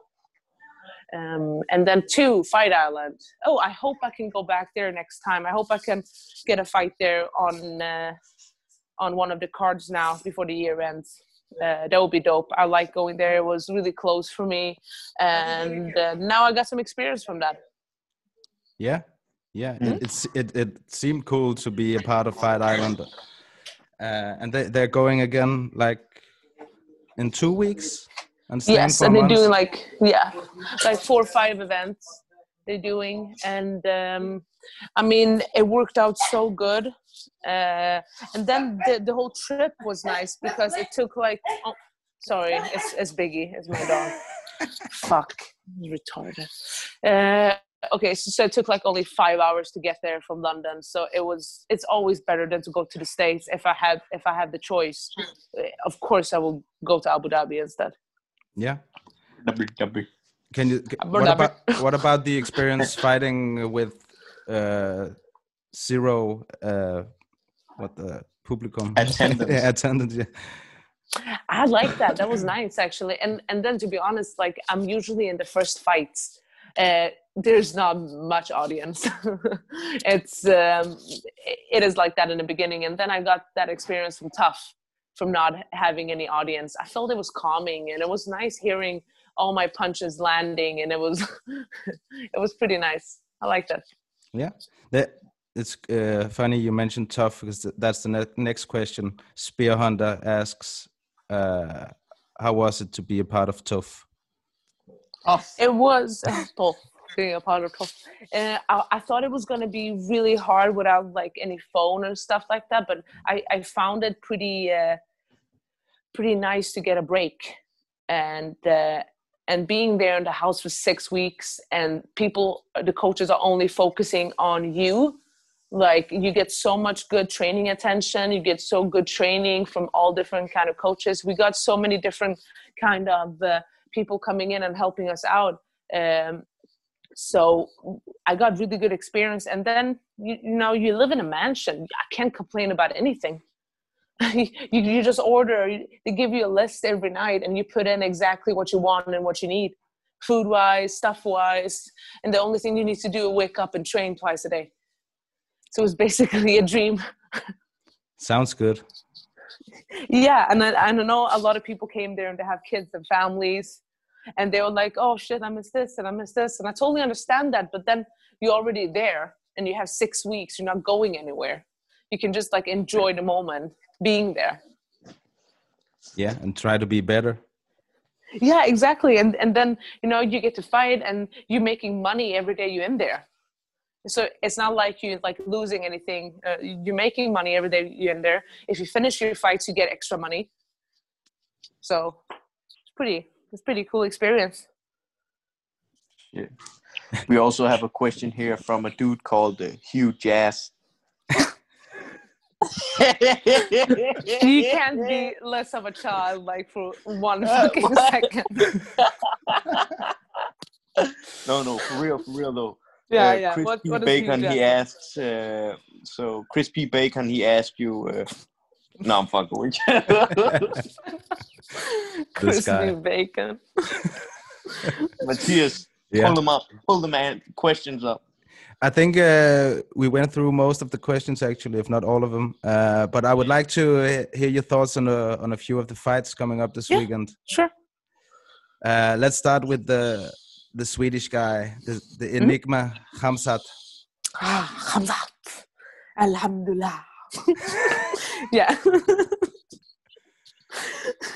yeah, I think I think he won't have a problem with Mershad. Uh, I'm d- I'm not just saying that just because he's on this hype thing right now, but I'm just thinking about like our own Jack Hermanson fought Mershad. Yeah. And he he he basically just like wrestled him down and choked him out, I think. Uh, and I mean, I see that uh, like I think Jack is really good, but like Hamzat is something really special when it comes to wrestling and grappling. So I do feel that it, it could give him maybe some trouble. You know, in the beginning, you don't know what Mershad's game plan is, but I pretty much think he's gonna win a fight, win this fight. Do you know Hamzat? Uh, I met him a few times. He's a really nice guy. He came to Moscow when I was fighting as well. Yeah. And um, yeah, uh, no, he's super humble and everything. He's, uh, uh, I catch up with him when just before he got his UFC contract, and he was like really eager to fight again, and he didn't know how, and he was really, you know, bummed that he couldn't go to Fight Island, and then like two weeks after, he was in. So Yeah, he he definitely went. yeah, two times in a, in in a week. That's pretty. Yeah, I I can't wait to see what this guy can do. Yeah, and I think a lot of people, like Swedish fans, are like in a bit in the beginning they were like, "Oh my God, Kamzat, you're so good," and and keep this going, blah blah blah. And then when you know when the weeks uh, started to go by and and they could see that he's confident, the Swedish fans were like, "Oh, you better fucking shut up now. You're gonna get knocked out and stuff like that," because they kind of like they kind of like a lot of people uh, get really jealous when somebody's doing really good you get really jealous and they're almost hoping for them to lose. That's sad. Yeah, That that is is really sad. fucking sad. And then you know, um, uh, it, it was a lot of uh, that in Fight Island because they they didn't really write that much about him because you know he's not real. You know he, he's not born in Sweden, but he's representing Sweden. Mm. So he like that was the same with me though. You know, I'm representing Sweden, but just because you're not like real Swede, but I think they should give him like a more more cred because he he does represent Sweden in a really good way. Yeah, I- I think that's uh, kind of the same thing about you. You're not Danish, but we claim you anyways.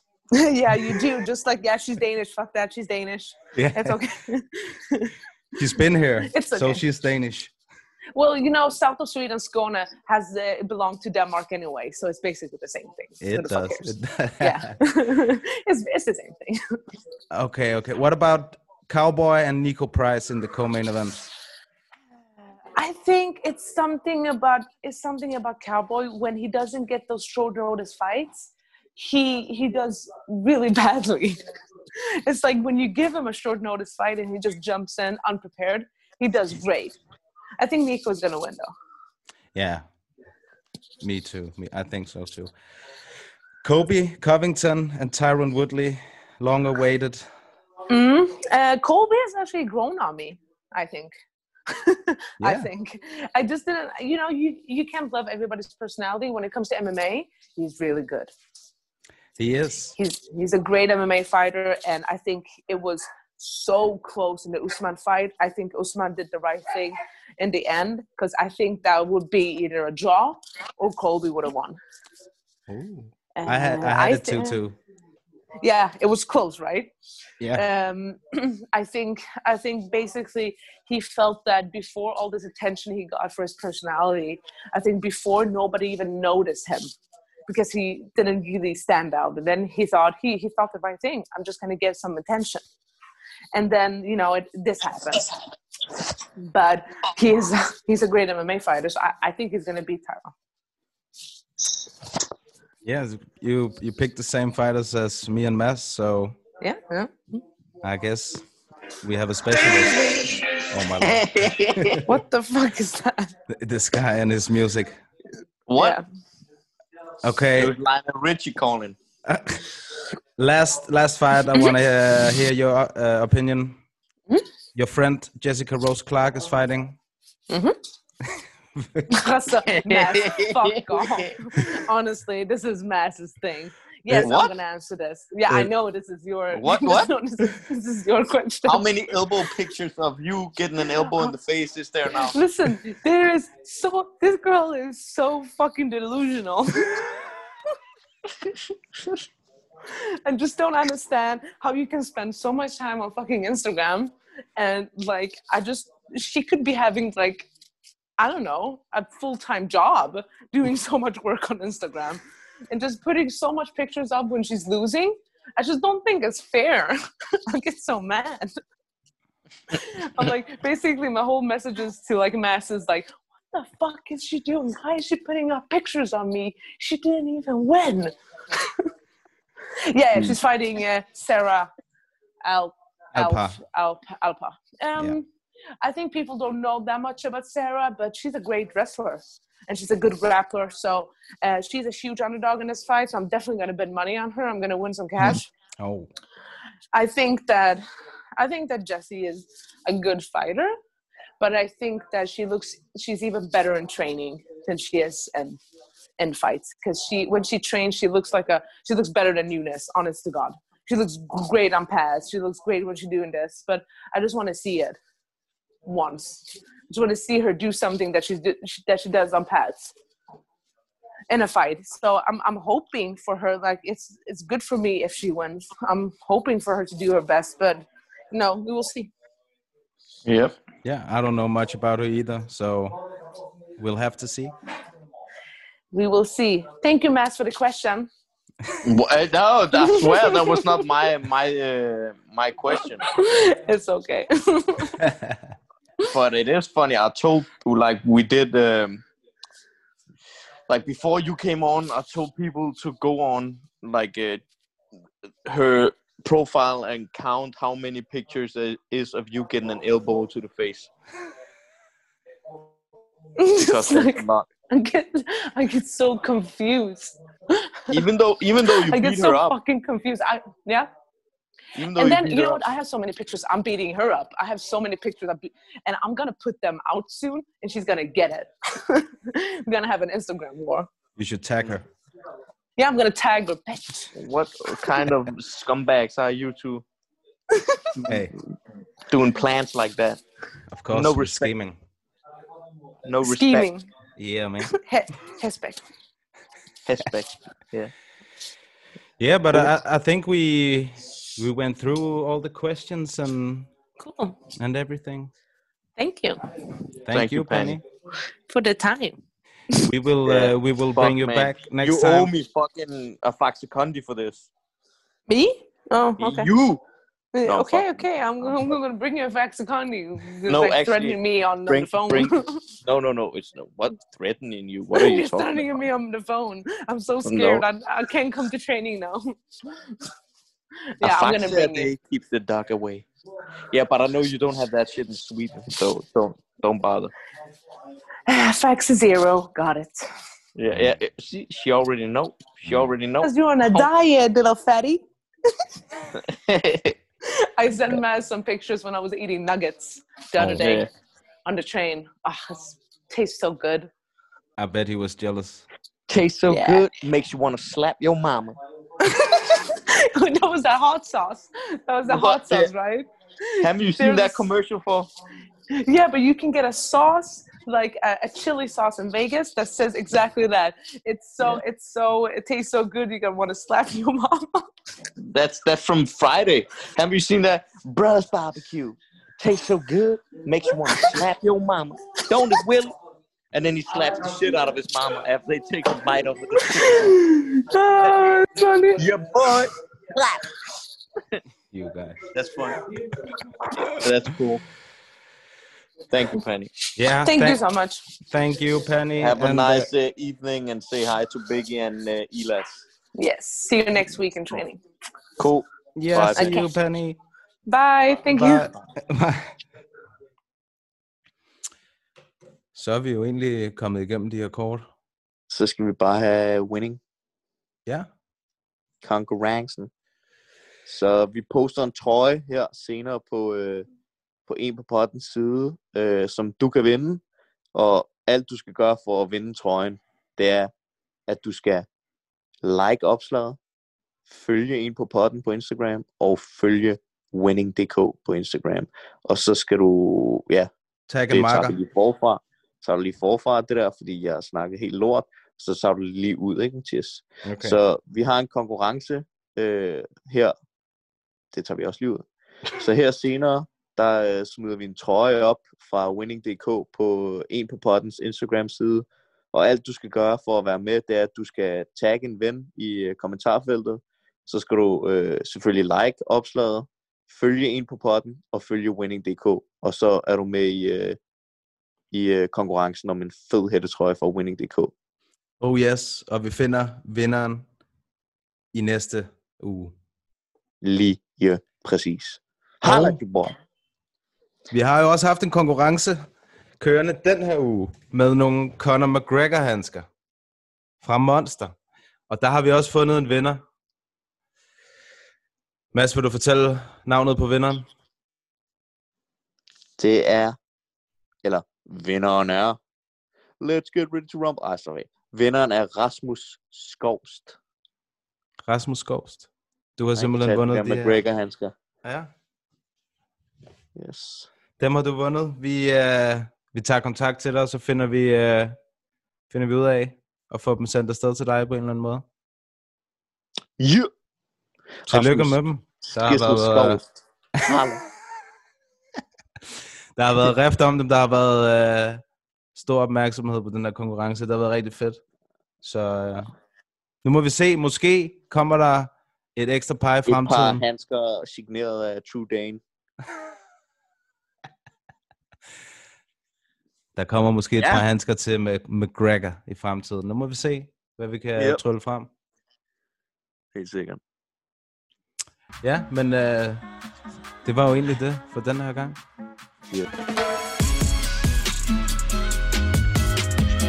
What's up, y'all? Jared Killer Gorilla right here. Thank you for listening to MMA Media Podcast in Papadon. Tak til jer to, fordi I gør det her. Jeg synes, det er super fedt, at der kommer så meget fokus på MMA generelt, og jeg håber, at det er det. det kræver nogle engagerede øh, medier. Det kræver også noget, som I gør. Så, så super mange tak for det.